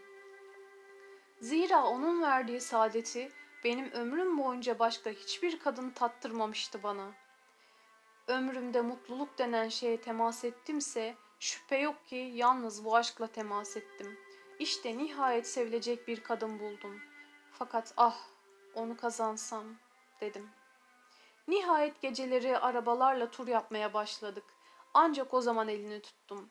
Çekmediğini görerek o zaman dudaklarıma götürdüm ve ancak o zaman öptüm. Ah ya Rabbi, o zaman başlayan öpüşmelerimiz, dünyada öpüşmenin zevkini benim kadar tatmış hiç kimse yoktur diyebilirim. Ah o el, acaba o elin dudaklarımla kutsanmış bir noktası kalmış mıdır? Ah, uzun uzun, önce parmaklarını sırayla, derin bir ibadet hissiyle bir öpücük kastesine daldırdım, bıraktım. Öpüşlerim bazen iddiasız, alçak gönüllü olurdu. Sonra birdenbire ansızın bir coşkuyla ateşli ve ihtiraslı bir hal alır, yalvarıp yakarır, taparcasına aşktan aklımı kaybetmiş olduğumdan kendinden geçmiş dudaklarım onun cildinde dolaşırdı. Sonra eli yeterli gelmediği, bileğe geçtiğim ve artık o her şeye razı, o da benim kadar belki benden daha memnun ve titreyerek izin verirdi. Sonra bir gece dudaklarına da sahip oldum. Ah ne hayat, ne hayat. Bu gözlerin, kaşların, kulakların, ensenin, gerdanın yavaş yavaş birer birer istekli, çılgın, titreyen öpüşlerle uzun uzun koklanarak saatlerce öpülmesi. En sonra ah Necip, hasta olduğunu bile bile nasıl mesut olarak ağzını, dilini öpmeye başladım. Onun hastalığıyla ölmek bile mutluluktu.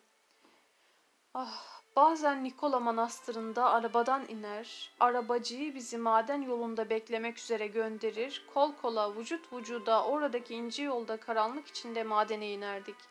Gecenin o çamlıklar arasında derin sessizliği ve kimsesizliği içinde böyle elim onun belinde yürürken iki adımda bir durup dudaklarını isterdim. O artık zevkten bitkin ağzını uzatırdı.'' derin, uzun, ezelden gelip ebediyete gidiyormuş gibi uzun ve derin, ruhumuzu kavuşmanın zevkinin nihayetsiz uçurumlarına doğru sürükleyip götüren sonsuz öpücüklerle başımız döner. Böyle dakikalarca onun dudaklarının üzerinde sarhoş, sallana sallana öpüşürdük. Birkaç defa kollarımın arasında kendini kaybedip kendini bana tamamıyla bıraktı gibi geldi. Eğer ona ve aşkıma çok büyük saygım olmasaydı o sorduğun, merak ettiğin şey belki bu esnada olurdu. Fakat sana ne söyleyeyim ve nasıl söyleyeyim Necip? Sonrasında onun bana davranışını düşünüp de bütün bu olayları hatırladıkça sadece bu noktalarda kalbimi derin bir hüzün harap ediyor. Eğer bilseydim ki... Peçeteyi alarak ayağa kalktı. Ben zafer kazanmış gibi bir bakışla ''Ha şöyle yola gel'' dedim. Hikayeni dinlerken seni genç kızlara has, masum romanların kahramanları kadar ahmak bulduğumu itiraf ediyorum. Nasıl olur ki bir kadınla bir erkeğin ilişkisi bu dereceye gelsin de birbirlerinin dudaklarına böyle yapışıp asılarak kalsınlar da sen doğanın kanununa isyan edebilir misin? Eliyle ağzını kapamaya çalıştı. Aman sus sus beni bitiriyorsun bak daha neler var onları da dinle kararını sonra ver. Tekrar kütüphaneye girdik ve o yine kanepeye ilişerek hikayesinin akışına uygun bir biçimde yerden kaynayan bir pınar gibi dalıp çıkmalarla, çırpınmalarla devam etti. Eylül sonlarıydı. Havalar genellikle bozuk, yağmurlu olmaya başladı. Tabii yağmurlu günlerde buluşamıyorduk. Böyle ondan yoksun kaldığım bir iki gün o geçmez yürümez boğan kahredici saatlerin işkenceleri içinde onsuz kalmanın benim için ne müthiş bir felaket olacağını görmüş anlamıştım. Artık her sabah erkenden uyanarak ilk iş perdeyi açıp gökyüzünün haline, rengine bakıyordum. O kadar gün onunla beraber yaşadıktan sonra onsuz kaldığım günlerde neler çektiğimi bir ben bilirim. O saatleri, o sürüklenen katil saatleri nasıl geçirmeli? Halbuki hava iyi olsa onunla beraber olma ihtimali yüzde yüz. Evet, şimdi böyle bir imkan var ama bir gün gelecek ki bu da kaçacak. O gidecek.'' O zaman ben ne olacağım? Ben o zaman ne yapacağım? Bu o kadar tehlikeli bir haldi ki bunu düşündükçe benim için intihardan başka bir çare kalmadığına karar vermeden edemiyordum. Onsuz nefes almak bile imkansızdı. Bu bağın, bağlılığın altında eziliyordum. Havanın uygun olduğu zamanlarda onunla buluştuğumuzda onun da bu duruma benim kadar üzüldüğünü görerek harap oluyordum. Tam sıkıca tuttum derken şimdi tekrar elimden kaçıyor, uçup gidiyordu.''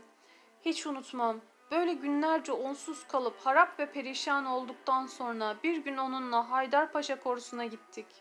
Orada ben bu durumdan şikayet ettim. O da ilgisiz bir gülümsemeyle beni dinledi. Sanki havalarla birlikte onun bilgi, ilgisi de soğumuştu. Ben bağırıp çağırmaya, ağlayıp inlemeye hazır, elimden bir şey gelmediği için kudurmaya meyilli şikayet ederken onun ilgisizliğini görerek iyice yıkılıyordum.''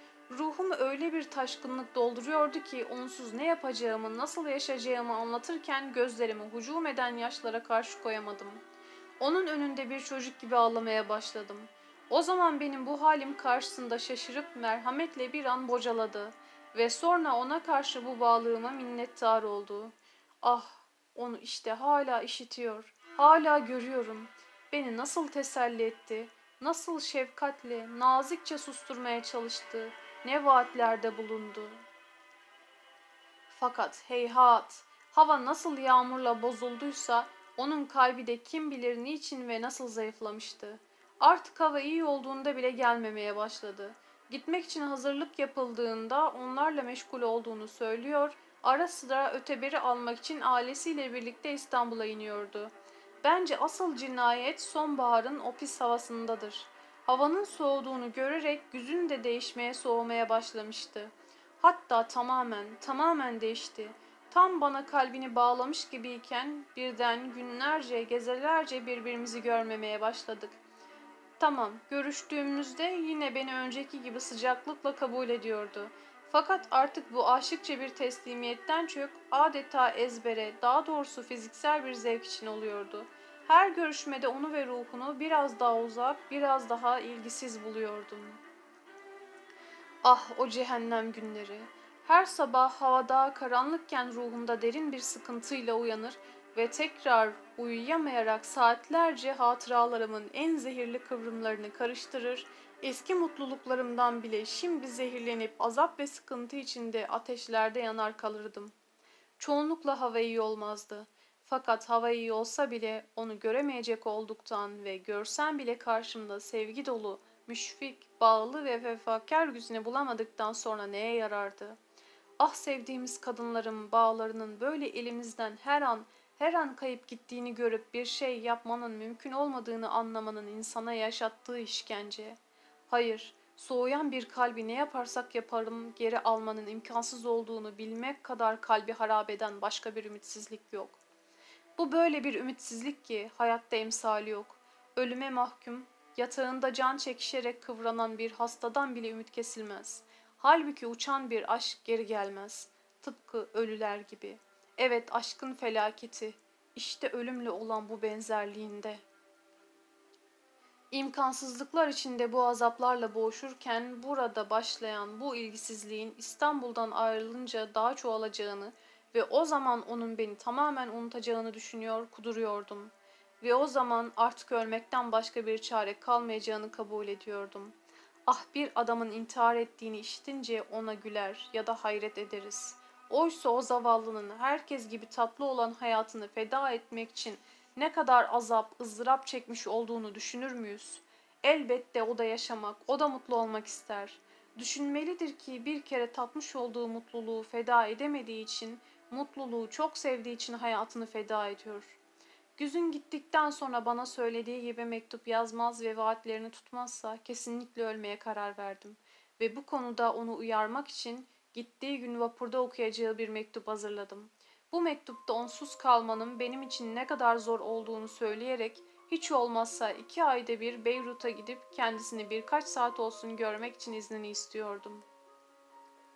Nihayet öbür gün vapura bineceği bu son gece ruhum harap ve perişan.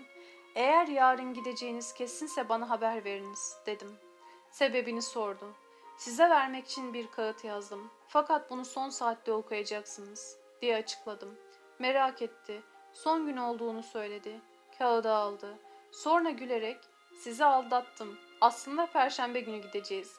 Fakat mektubunuzda kim bilir ne dilekleriniz vardır. Yarın görüşmek mümkün değil sanırım. Ama yine de deneyeceğim. Beni sekizden ona kadar Hristos'ta bekleyiniz, dedi. Böyle belirsiz bir vaatle elim tutarak veda ederken sanki her zamanki gibi yarın yine görüşmek üzere ayrılıyormuş gibi hissiz, ilgisizdi.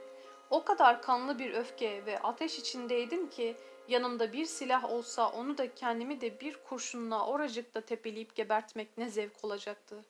Hani bazen gazetelerde okuruz. Herifin biri aşkının ümitsizliğinden sevdiği kadını da kendini de öldürür. Ah bu ne vahşi ne yırtıcı bir zevk olurdu. Bir kadın ki seni kendine bağlamak için günlerce türlü hokkabazlıklar, türlü işveler yapmış, zevk duyduğu sürece seni kendine esir etmek için her şeye izin vermiş. Ama artık zevk duymamaya başladığı için bugün senin acına ve sıkıntına ilgisiz, çoktan başka zevklere, başka aşklara doğru yola çıkmış, kendini kurtarmak istiyor. Ayrılması seni kahrettiği, mahvettiği halde o sana ilgisiz. Ne hakla? Evet, hangi hakla ilgisiz? Bu kadın artık ilgisiz olamaz. Çünkü senin hayatını aldı ve kendi hayatını verdi. Bugün seni cehennem ateşlerine terk ederek ölümün ihtimaline karşı ilgisiz olan bu kadının kudret sahibi kanlı bir kurşunla beynini parçalayıp onu kanlara bulayarak ayaklarının altında can çekiştiğini, artık senden başka bir erkeği olmayacağını görerek ölmek kadar eşsiz bir zevk olamaz.'' Bu zevk onun bir zamanlar bayıldığınız vücudunun üzerinde sevgiyle buluşmanın kendisinden geçmesiyle titrerken duyduğunuz zevki bile bin kere geçer. Öbür gün Hristos'ta bulaşacağımız gün yani çarşambaydı. Yağmurlu, bulutlu, yaslı bir gün. Onun bu yağmurlu havada hele mektubu okuduktan sonra artık kesinlikle gelmeyeceğini bile bile ruhum sonsuz bir matemle, üzüntüyle yüklü olduğu halde Hristos'a çıktım.'' Ondan ilk mektubu aldığım gün de bir çarşambaydı ve yine Hristos'taydık. Yağmurdan, yağmurdan olmasa bile üşendiğinden, ilgisizliğinden gelmeyecek diye diye büyük bir acıyla ve otomatik hareketlerle yine Hristos'a çıkıyordum. Aşkımın, mutluluğumun başladığı yere, onun tam kazanırken kaybettiğim aşkının hicran ve matemiyle gidiyordum. Orada bir Rum ailesi Laterna ile dans ediyordu. Bence o gün o kadar aziz bir hatıranın yaşadığı yer olan o, o yüce Hristos'ta ağaçların ve bulutların gölgesinde bir hüzün ve kasvet, bir ölünün, bir mezarlığın hüznü ve kasveti vardı. Ara sıra sessiz, sedasız yağmur damlaları düşüyordu. Dans edenlerin neşeli kahkahalarına rağmen ve laterna çalmaya devam ettiği halde etrafı derin bir sas, sessizlik kaplamış gibiydi. İlk mektubunu aldığım yere doğru ilerledim. Onun o güzel hayalini tekrar görür gibi olarak durdum. Dop doluydum. Ayrılık acısıyla, kederle, ölümle, bütün bunların gözyaşı yağmuruyla doluydum. Elimde bir kitap tutuyordum. İçinde bir gün Heybeli'de çam dallarında kendi eliyle yapıp bana hediye ettiği bir zincir vardı. Bu zincir o günden beri kitabın sayfaları arasında el sürülmeden durduğu halde kendi kendine çözülmüş dağılmıştı. Ona bakarak kendi kendime işte onun bağı dedim. Ölümün bile sıkıntımı ve ızdırabımı dindireyemeyeceği tatsız bir ruh hali içindeydim. O esnada bir Rum kızı bir yerlerden çıkarak etrafımda dolaşmaya başladı. Herhalde bir mecidiye koparmak için olacak. Gözümün önünden geçerek türlü işaretler yapıyordu. Ve onun tavrını nasıl karşıladığımı bakıp belki benim de Güzin'in gözünde aynı durumda olduğumu tatsızlıkla düşünüyordum. Nihayet kız benim ilgisizliğimi görerek son bir cesaretle arkamdan geçerken eliyle omzuma vurarak ilerledi. Ben korkmuş gibi büzülüp sessiz kaldım. O sırada Güzin ortaya çıkıp halimi görseydi kim bilir beni nasıl aşağılardı. Kız artık üzülerek çekilmiş, kaybolmuş, saatte sekiz buçuğa gelmişti. Yağmur yeniden hafifçe, sessizce sakınarak yağmaya başladı. Hala bir hareket, bir rüzgar yoktu. Bulutlar karşısında denizin üstünde yüklü, öfkeli, tehdit eder gibi duruyordu. Kalktım. Gelmeyecek. Gelmez diye arkaya, kahvelere doğru yürüdüm. Onun hiçbir randevusuna gelmemezlik etmediği mutlu ve aydınlık saatleri düşünerek ağlamak istiyordum. Ne yapacağımı, nereye gideceğimi, nasıl vakit geçireceğimi bilemiyordum. Her şeyi bırakıp ölmekten başka kurtuluş yoktu. Kahvelerin önüne, araba yoluna çıktım. Bin türlü acı fikirler, acı hatıralarla ölmek, ağlamak istiyordum. Şimdi laterna da susmuştu. Etrafı derin bir sessizlik, derin bir mezar sessizliği, nihayetsiz bir sessizlik sarmıştı. Ah ne gün, ne gün. Sonra birdenbire orada, yolun altında, okulun kapısının önüne doğru gelen bir araba gördüm. Belki onlarındır. Belki dikkatli davranarak okulun öbür tarafından dolaşmışlardır diye biraz ümitle tekrar geri döndüm. Çamların altına kadar indim. Hayır, hiç kimse yoktu. O zaman kendimi tutamadım. Mendil çıkarıp haykırmamak için ağzımı tıkayarak ''Ah Güzin, Güzin!'' diye hıçkırmaya başladım. O anda ağaçların altında lacivert yeldirmesiyle onu gördüm. O da beni gördü. Ben koştum. Elimde mendilimi görünce gözlerime baktı. Ben söz olsun diye gidiyordum dedim. Niçin o kadar geç mi kaldım dedi. Ben mahzun kederli Gelmeyeceğinizi o kadar bil iyi biliyordum ki dedim. Güler gibi fakat merhametle işte görüyorsunuz ki aldanmışsınız dedi. Tekrar yağmur düşmeye başladı. Ben perişan, o ise tereddüt içinde birbirimize baktık. İşte şu anda yine gözümün önünde. İki adım aşağıda duruyordu. Ben daha yüksekteydim. Görüyorsunuz ya gibisinden elini uzatarak adieu dedi. Ben mahzun harap. Gidiyorsunuz dedim. O zaman beni ne halde bırakacağını anlamış, buna razı olmuyormuş gibi ya da geliniz şu çamlardan birinin altına girelim dedi. Orada öbek öbek küçük çam kümeleri vardır. Bunların birinin altına büzüldük. Yanındaki hizmetçi kadın bize hayretle bakıyordu. Orada bir saat kaldık. Fakat ah tanrım ne saat ne saat. Yağmur devam ediyordu. Fakat, fakat biz aldırmıyorduk lütufkar, şefkatli, beni hayata bağlamak için neler söyledi, neler vaat etti. Gider gitmez bana mektup yazacak, bana varışına haber verecekti. İstediğim zaman gidip onu görebilecektim. Artık onu sevmek için dünyaya geldiğimi anlamış gibiydi. Anlamadığı şey bu derece ümitsizliğe ne lüzum olduğuydu. Niçin, niçin bu kadar kederlisiniz diyordu. Ben yine geleceğim, yine buluşur, yine gezeriz. Bu sesi, bu vaatleri unutmam nasıl mümkün olur Necip? Sonra gidip de bana bir satır bile yazmadığı halde beni hayata işte bu sözler bağladı. Yine gelecekti, yine gezecektik. İşte bana en son iyiliği bu söz, bu vaattir. O gece son defa buluşmak üzere orada ayrıldık. Gece yağmur yağdığı halde yine buluştuk ve yağmur altında sokakta şemsiyeyle dolaştık. Fakat bu son gece uğursuz bir gece oldu. Ben yalnız gelecekle onun kalbiyle meşguldüm. O ise son derece sinirli, haşin hatta yırtıcıydı. Mesela önceden onu her gece evine kadar götürüyordum ama bu gece yarı yolda ayrılmak istiyordu. Bense acaba benden sonra bir başkasıyla mı buluşacak diye helak olarak ısrar ediyordum. Canım daha uzun süre beraber olmak içinse burada kalalım. Ne olacaksa burada olsun dedi öfkeyle.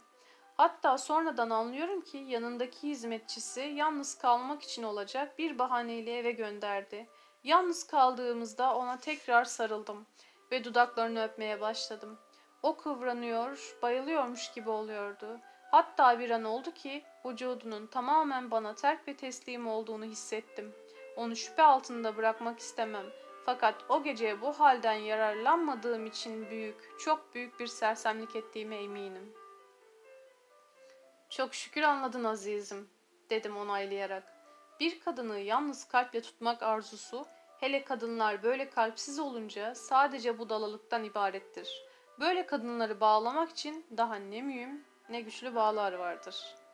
Macit beni dinlemeyerek devam etti. Sen bilsen, o aşk denilen fırtınanın içine yuvarlanmış zavallı insanlarda akıl, fikir, muhakeme, mantık mı kalır? İnsan sersem ve hayvan olup kalıyor. Düşünme, akıl yürütme hepsi mahvolup insan yalnız histen ibaret oluyor. O geceki ve sonraki öbür günkü sinirli haline bir anlam vermeye korkuyorum. Ne fikri ne maksadı vardı. Sonra bunları o kadar çok, o kadar etraflı düşündüm ki Kısacası o gece ahmak ve eşek oldum. Belki onu da bu fikre düşürdüm. Ve artık bu son darbe oldu. Çünkü öbür gün beni artık tanımadı, yüzüme bile bakmadı. Hele o gün, o ölüm, o ayrılık günü. Hala rıhtımı görüyorum ve kendimi bir tür nöbet içinde yine orada zannediyorum. Güzün güvertede duruyor, ben rıhtımdayım. Kalabalığa bakıyor, beni görüp tanımamakta inat ediyor.'' Ben harap, bitmiş, ölüden beter bir halde onun gözlerini, gözlerinde bir bakış ve tebessüm arıyorum. Fakat onun gözleri benim üzerimde durmayarak geçiyor. Haykırmak istiyorum. Daha yirmi saat evvel kollarının arasında titrediğin, kendini, kadınlığını neredeyse teslim ettiğin adamı şimdi tanımıyor musun? diye bağırmak istiyorum. Nihayet her nasılsa silik bir gülümseme bahşetti. Artık her şeyin bittiğini, kesinlikle hiçbir ümit kalmadığını anlamam gerekiyordu.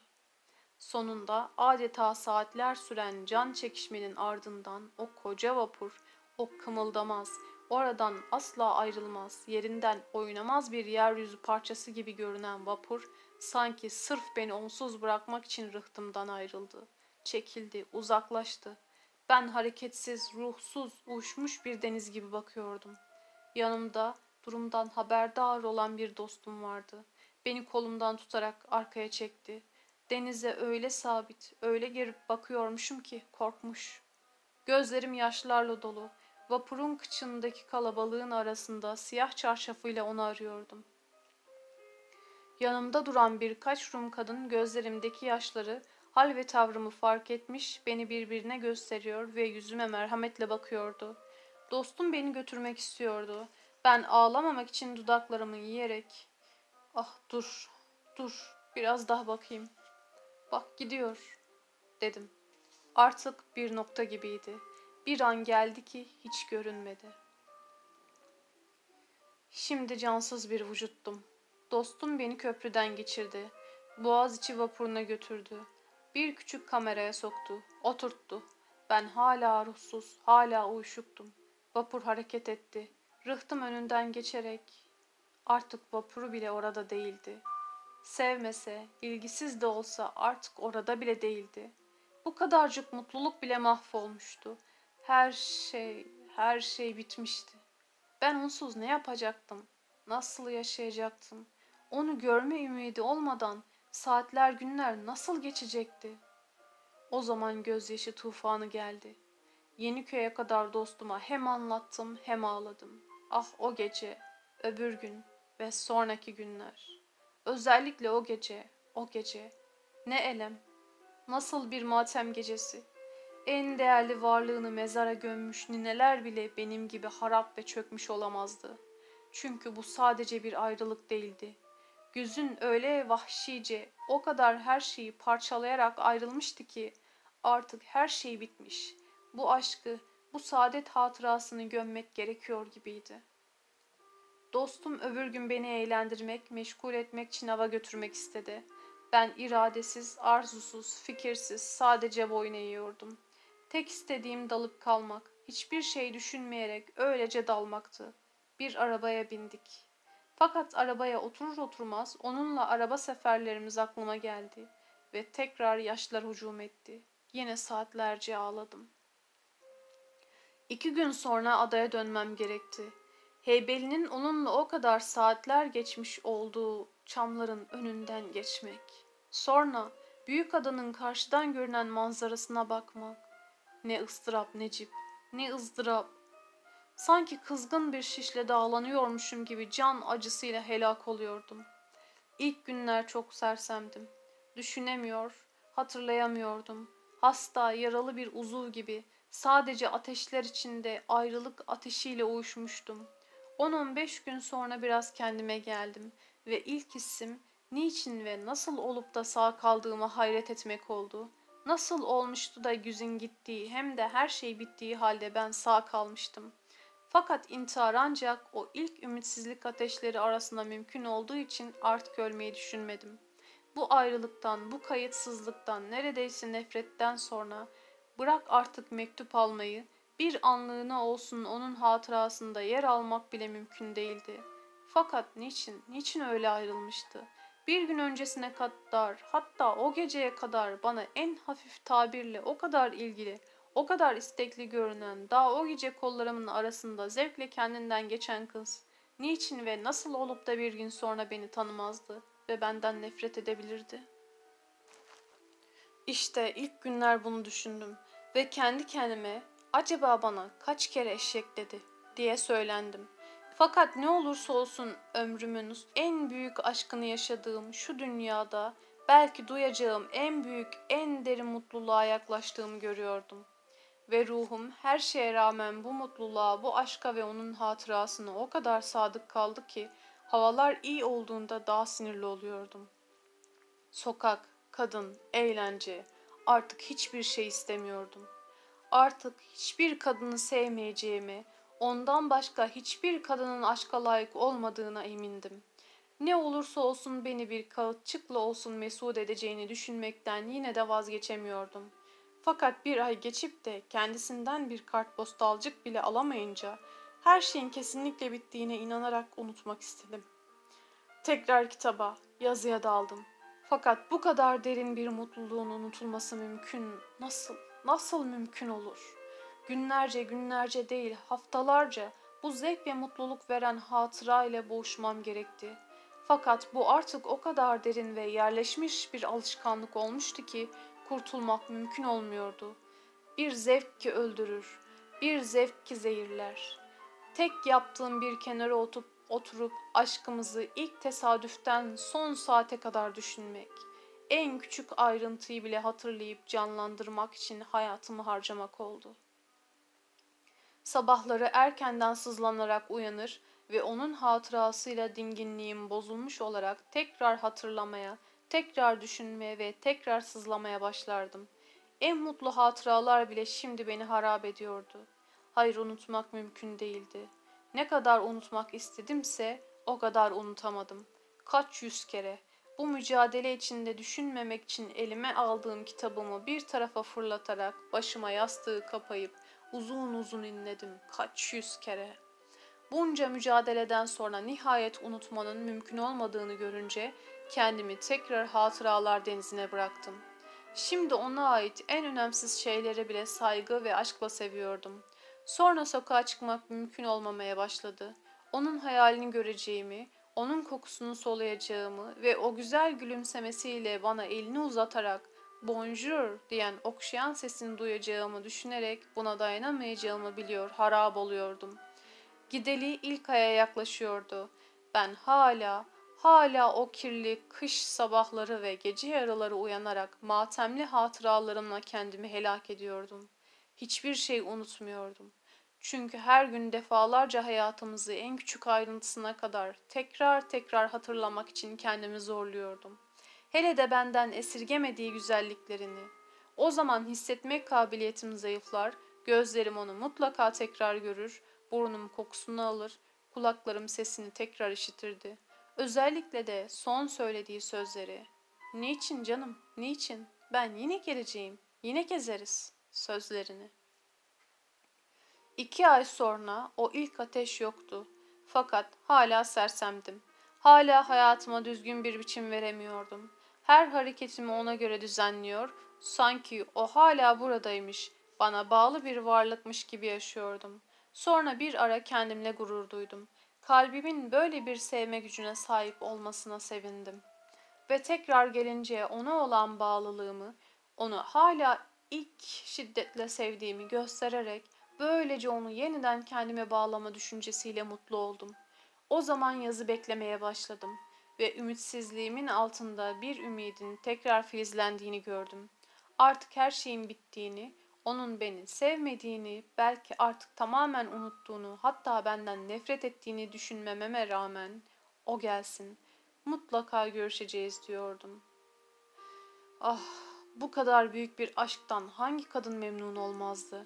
Artık bütün hayatımı tekrar kavuşacağımız düşüncesine göre düzenliyordum. Fakat yine de ne zaman o son geceki yabancı o son geceki yabancı kızı ve vapurdaki o hissiz paşa kızını hatırlasam coşup taşıyordum. Sadece 20 saat önce kollarımın arasında çırpınan, kendini gece yarısı sokak ortalarında bana terk eden sendin. Tek kabahatim o zaaf anında senden yararlanmamak mı demek istiyordum. Fakat değil mi ki dudaklarını dudaklarımın altında titrerken hissettim. Bu her şeye değer Necip. Bu azaba da minnettarım. Bu gözyaşlarına bile borçluyum. Şikayete hiç hakkım yok. Ve yedi aydır onun hatırasıyla helak olduktan sonra bak işte şimdi onun dün geldiğini öğrendim. Bugün yine doluyum. Hem de öncekinden bile, geçen seneden bile bin kere fazla doluyum. Ruhum taşkınlıkla dolu. Hatta taşıyor. Hala, hala sevmek istiyorum. Sevmek, sevilmek, üzülmek, ağlamak, ölmek ve öldürmek istiyorum. Bu hayat ve bahar kokusu, bu hatıralara dayanamıyorum. Ağlamak, bağırmak, çağırmak istiyorum. Ve onun için, sadece onun için. Son günlerde biraz unuttum zannetmiştim. Yalan, yüz bin kere yalan. Unutamıyorum ve mutluyum. Hatta unutmak istemiyorum. Onun için acı çekmek, aşk için inlemek, feryat etmek bile bir saadet. Ben bu coşkuyu şaşkınlıkla izliyordum. Seni dinlerken dedim. Nasıl bir adam olduğuna, nasıl bir kalbin olduğuna hayret ediyorum. Bu ne şiir coşkunluğu, bu nasıl aşk taşkınlığı. İnsan değil bir şiir ve aşk ırmağı. Senin sevdiğin kadınlar kadar dünyada kendinden geçerek ve manevi bir aşkla sevilen bir kadın bulunamaz. Bu ne kaynayıp taşma. Sana böyle davrandıktan sonra böyle bir kadını yedi ay sonra hala böyle bir aşkla sevmek. Ne yapayım dedi. Ya hissim çok ya da hassasiyetim zayıf. Herhalde renk ve kokudan fazla etkilenen bir adamım. Bir de kendimi en çok bu aşkla anladım. Bu ayrılık acısıyla asıl kişiliğimi buldum. Kendimi bugün tanıdığım gibi şimdiye kadar tanıyamamışım. Fakat niçin onu böyle bir kadın diyorsun? Düşüne düşüne cevap verdim. Anlattıklarından sonra senin onun hakkındaki düşüncelerinle aynı fikirde olmak mümkün değil de onun için. Sen güzin için kendine hediye edecek erkek bulunamayan bir kız dedin. Yani o kadar nadir, o kadar özel. Bence aksine her mahallede güzün gibi yüzlerce kadın var. Giyinmesi, hissi, sözü belki biraz farklı olabilir. Fakat bütün kadınlar gibi onda da erkeklere etkileyici gelenin sadece kadınlığı olduğundan şüphe etmiyorum. Hatta davranışlarından da belli. Bir kere şımarık bir kız. Mesela önce senin onu o kadar yüceltmenden memnun oldu. Hatta o kadar havalandı ki seni bile hor gördü ve sonra sevmeye ya da sever gibi görünmeye başlamışken sen onun tensel ihtiyaçlarına cevap vermediğin için daha büyük bir hakaretle bıraktı gitti. Sonra bir gülümsemeyi bile senden esirgedi. Öyle kadınlar vardır ki cinsiyetten ayrı olmamakla beraber biraz hisleri de vardır. Halbuki Güzin senin özel asil Güzin'in olsa olsa hissiz bir kız. Seninle belki tensel bir zevk duydu fakat hepsi bu. Yoksa kalbi titremedi. Zaten acaba bir kalbi var mıydı? Bu da şüpheli. Savunmak istedi. Ama elimle onu susturdum. İzin ver. Seni sevdi mi? Sevmek mi istedi? Yoksa sevmedi mi? Bu bile belli değil. En doğrusu hissiz ve şahsiyetsiz bir kız. Seni sadece biraz oyalamak, eğlenmek için yormuş. Hayır, dedi Macit. Kalbi bana karşı istekliyken gitmek sözü edilmeye başlandı. Bu istek, ah, bu yüzden isteği geçti. Halbuki asıl ve derin ruhlu kadınlar senin gibi bir erkeği sevmeye başlayınca ne olursa olsun bu istekleri yok olmaz. Daha doğrusu dedi. Ben de anlamadım. Bir muamma, kadınlara dair diğer şeyler gibi bu da bir muamma. Bence daha çok o bilinmez, o hassas kalbi fethetmek benim için mümkün olmadı.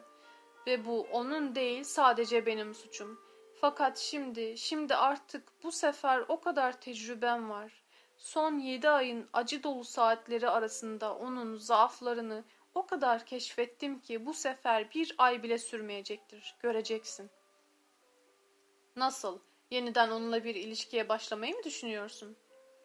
Gayet kesin kararlı bir tavırla elbette, elbette dedi. Ben yedi aydır bugünü, onun dönüşünü bekledim. O bana söz vermedi mi? Ben yine geleceğim, gelince yine beraber gezeriz demedi mi? İşte o gün geldi. Bu akşam ben yine tura çıkıyorum ve kesinlikle eminim ki o da bu akşam mutlaka turda olacak. Hafifçe alay eden bir tavırla, fakat azizim, seni tanıyacağından bile şüphe ettiğimi söylersem buna ne diyeceksin? Vurulmuş gibi. Beni tanıyacağından mı? diye inledi. Nasıl? Beni nasıl tanımaz? Ne garip bir söz. Daha bir gece önce kollarının arasında titrediği, kendinden geçtiği erkeği ertesi gün tanımayan kadın, aradan yedi ay geçtikten sonra seni kesinlikle unutmuştur. Bu doğal değil mi? Bence artık yüzünle senin aranda her şey bitmiş. Onun biraz hakkı olduğunu da itiraf ederim. Kızcağız üç ay boyunca senin erkekliğini göstermeni bekledi. Hatta son gece kollarının arasında bayılma oyununu bile yaparak bundan yararlanman için seni uyardı. Baktı ki sen o adam değilsin, artık senden ümidi kesmekte hakkı olmadığını iddia edemezsin. O da başını öbür tavar tarafa çevirip zevkini, keyfini başkalarında aramak için çekildi gitti. Sen onun kalbiyle uğraşıyordun. Halbuki onda kalp yoktu. O sana kalbini değil vücudunu verebilirdi. Fakat sen o konuda o kadar acemi, o kadar... Söyleyeceğim kelimeyi acı bir tebessümle bekledi.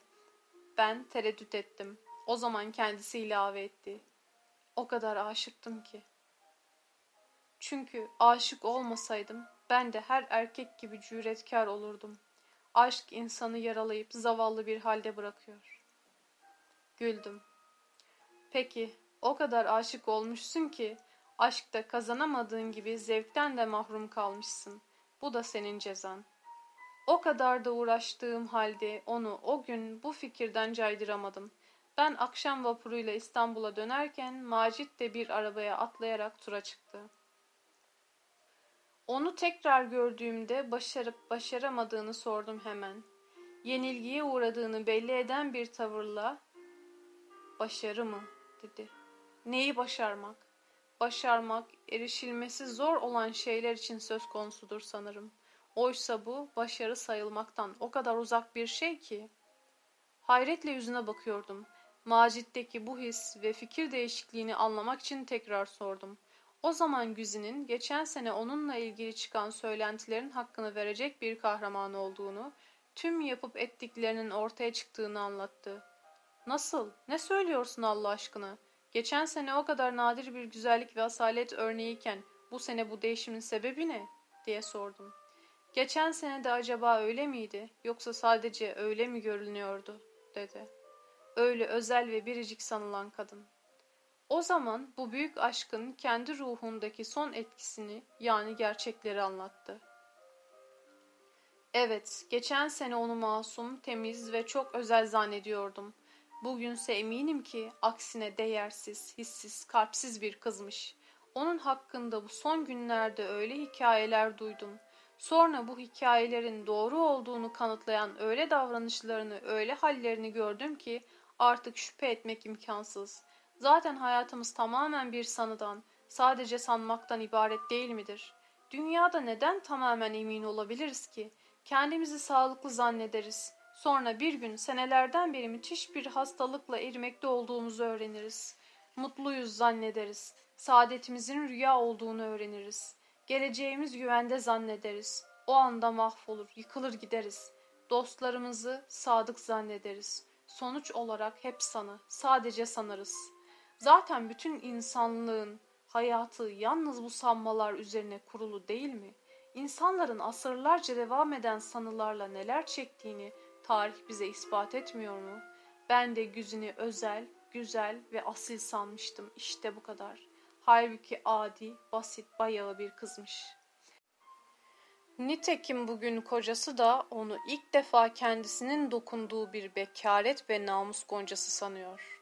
Sadece, sadece benim bile kaç yüz bin öpücüğümle titremiş olduğunu bilse, zavallı adam. Kısa süre öncesine kadar o derece ateşli olan Macit'in bu haline bakarak bu büyük aşkın da diğer aşklar gibi nihayet kin ve nefrete dönüşmüş olduğunu üzüntü ve acıyla gördüm. Son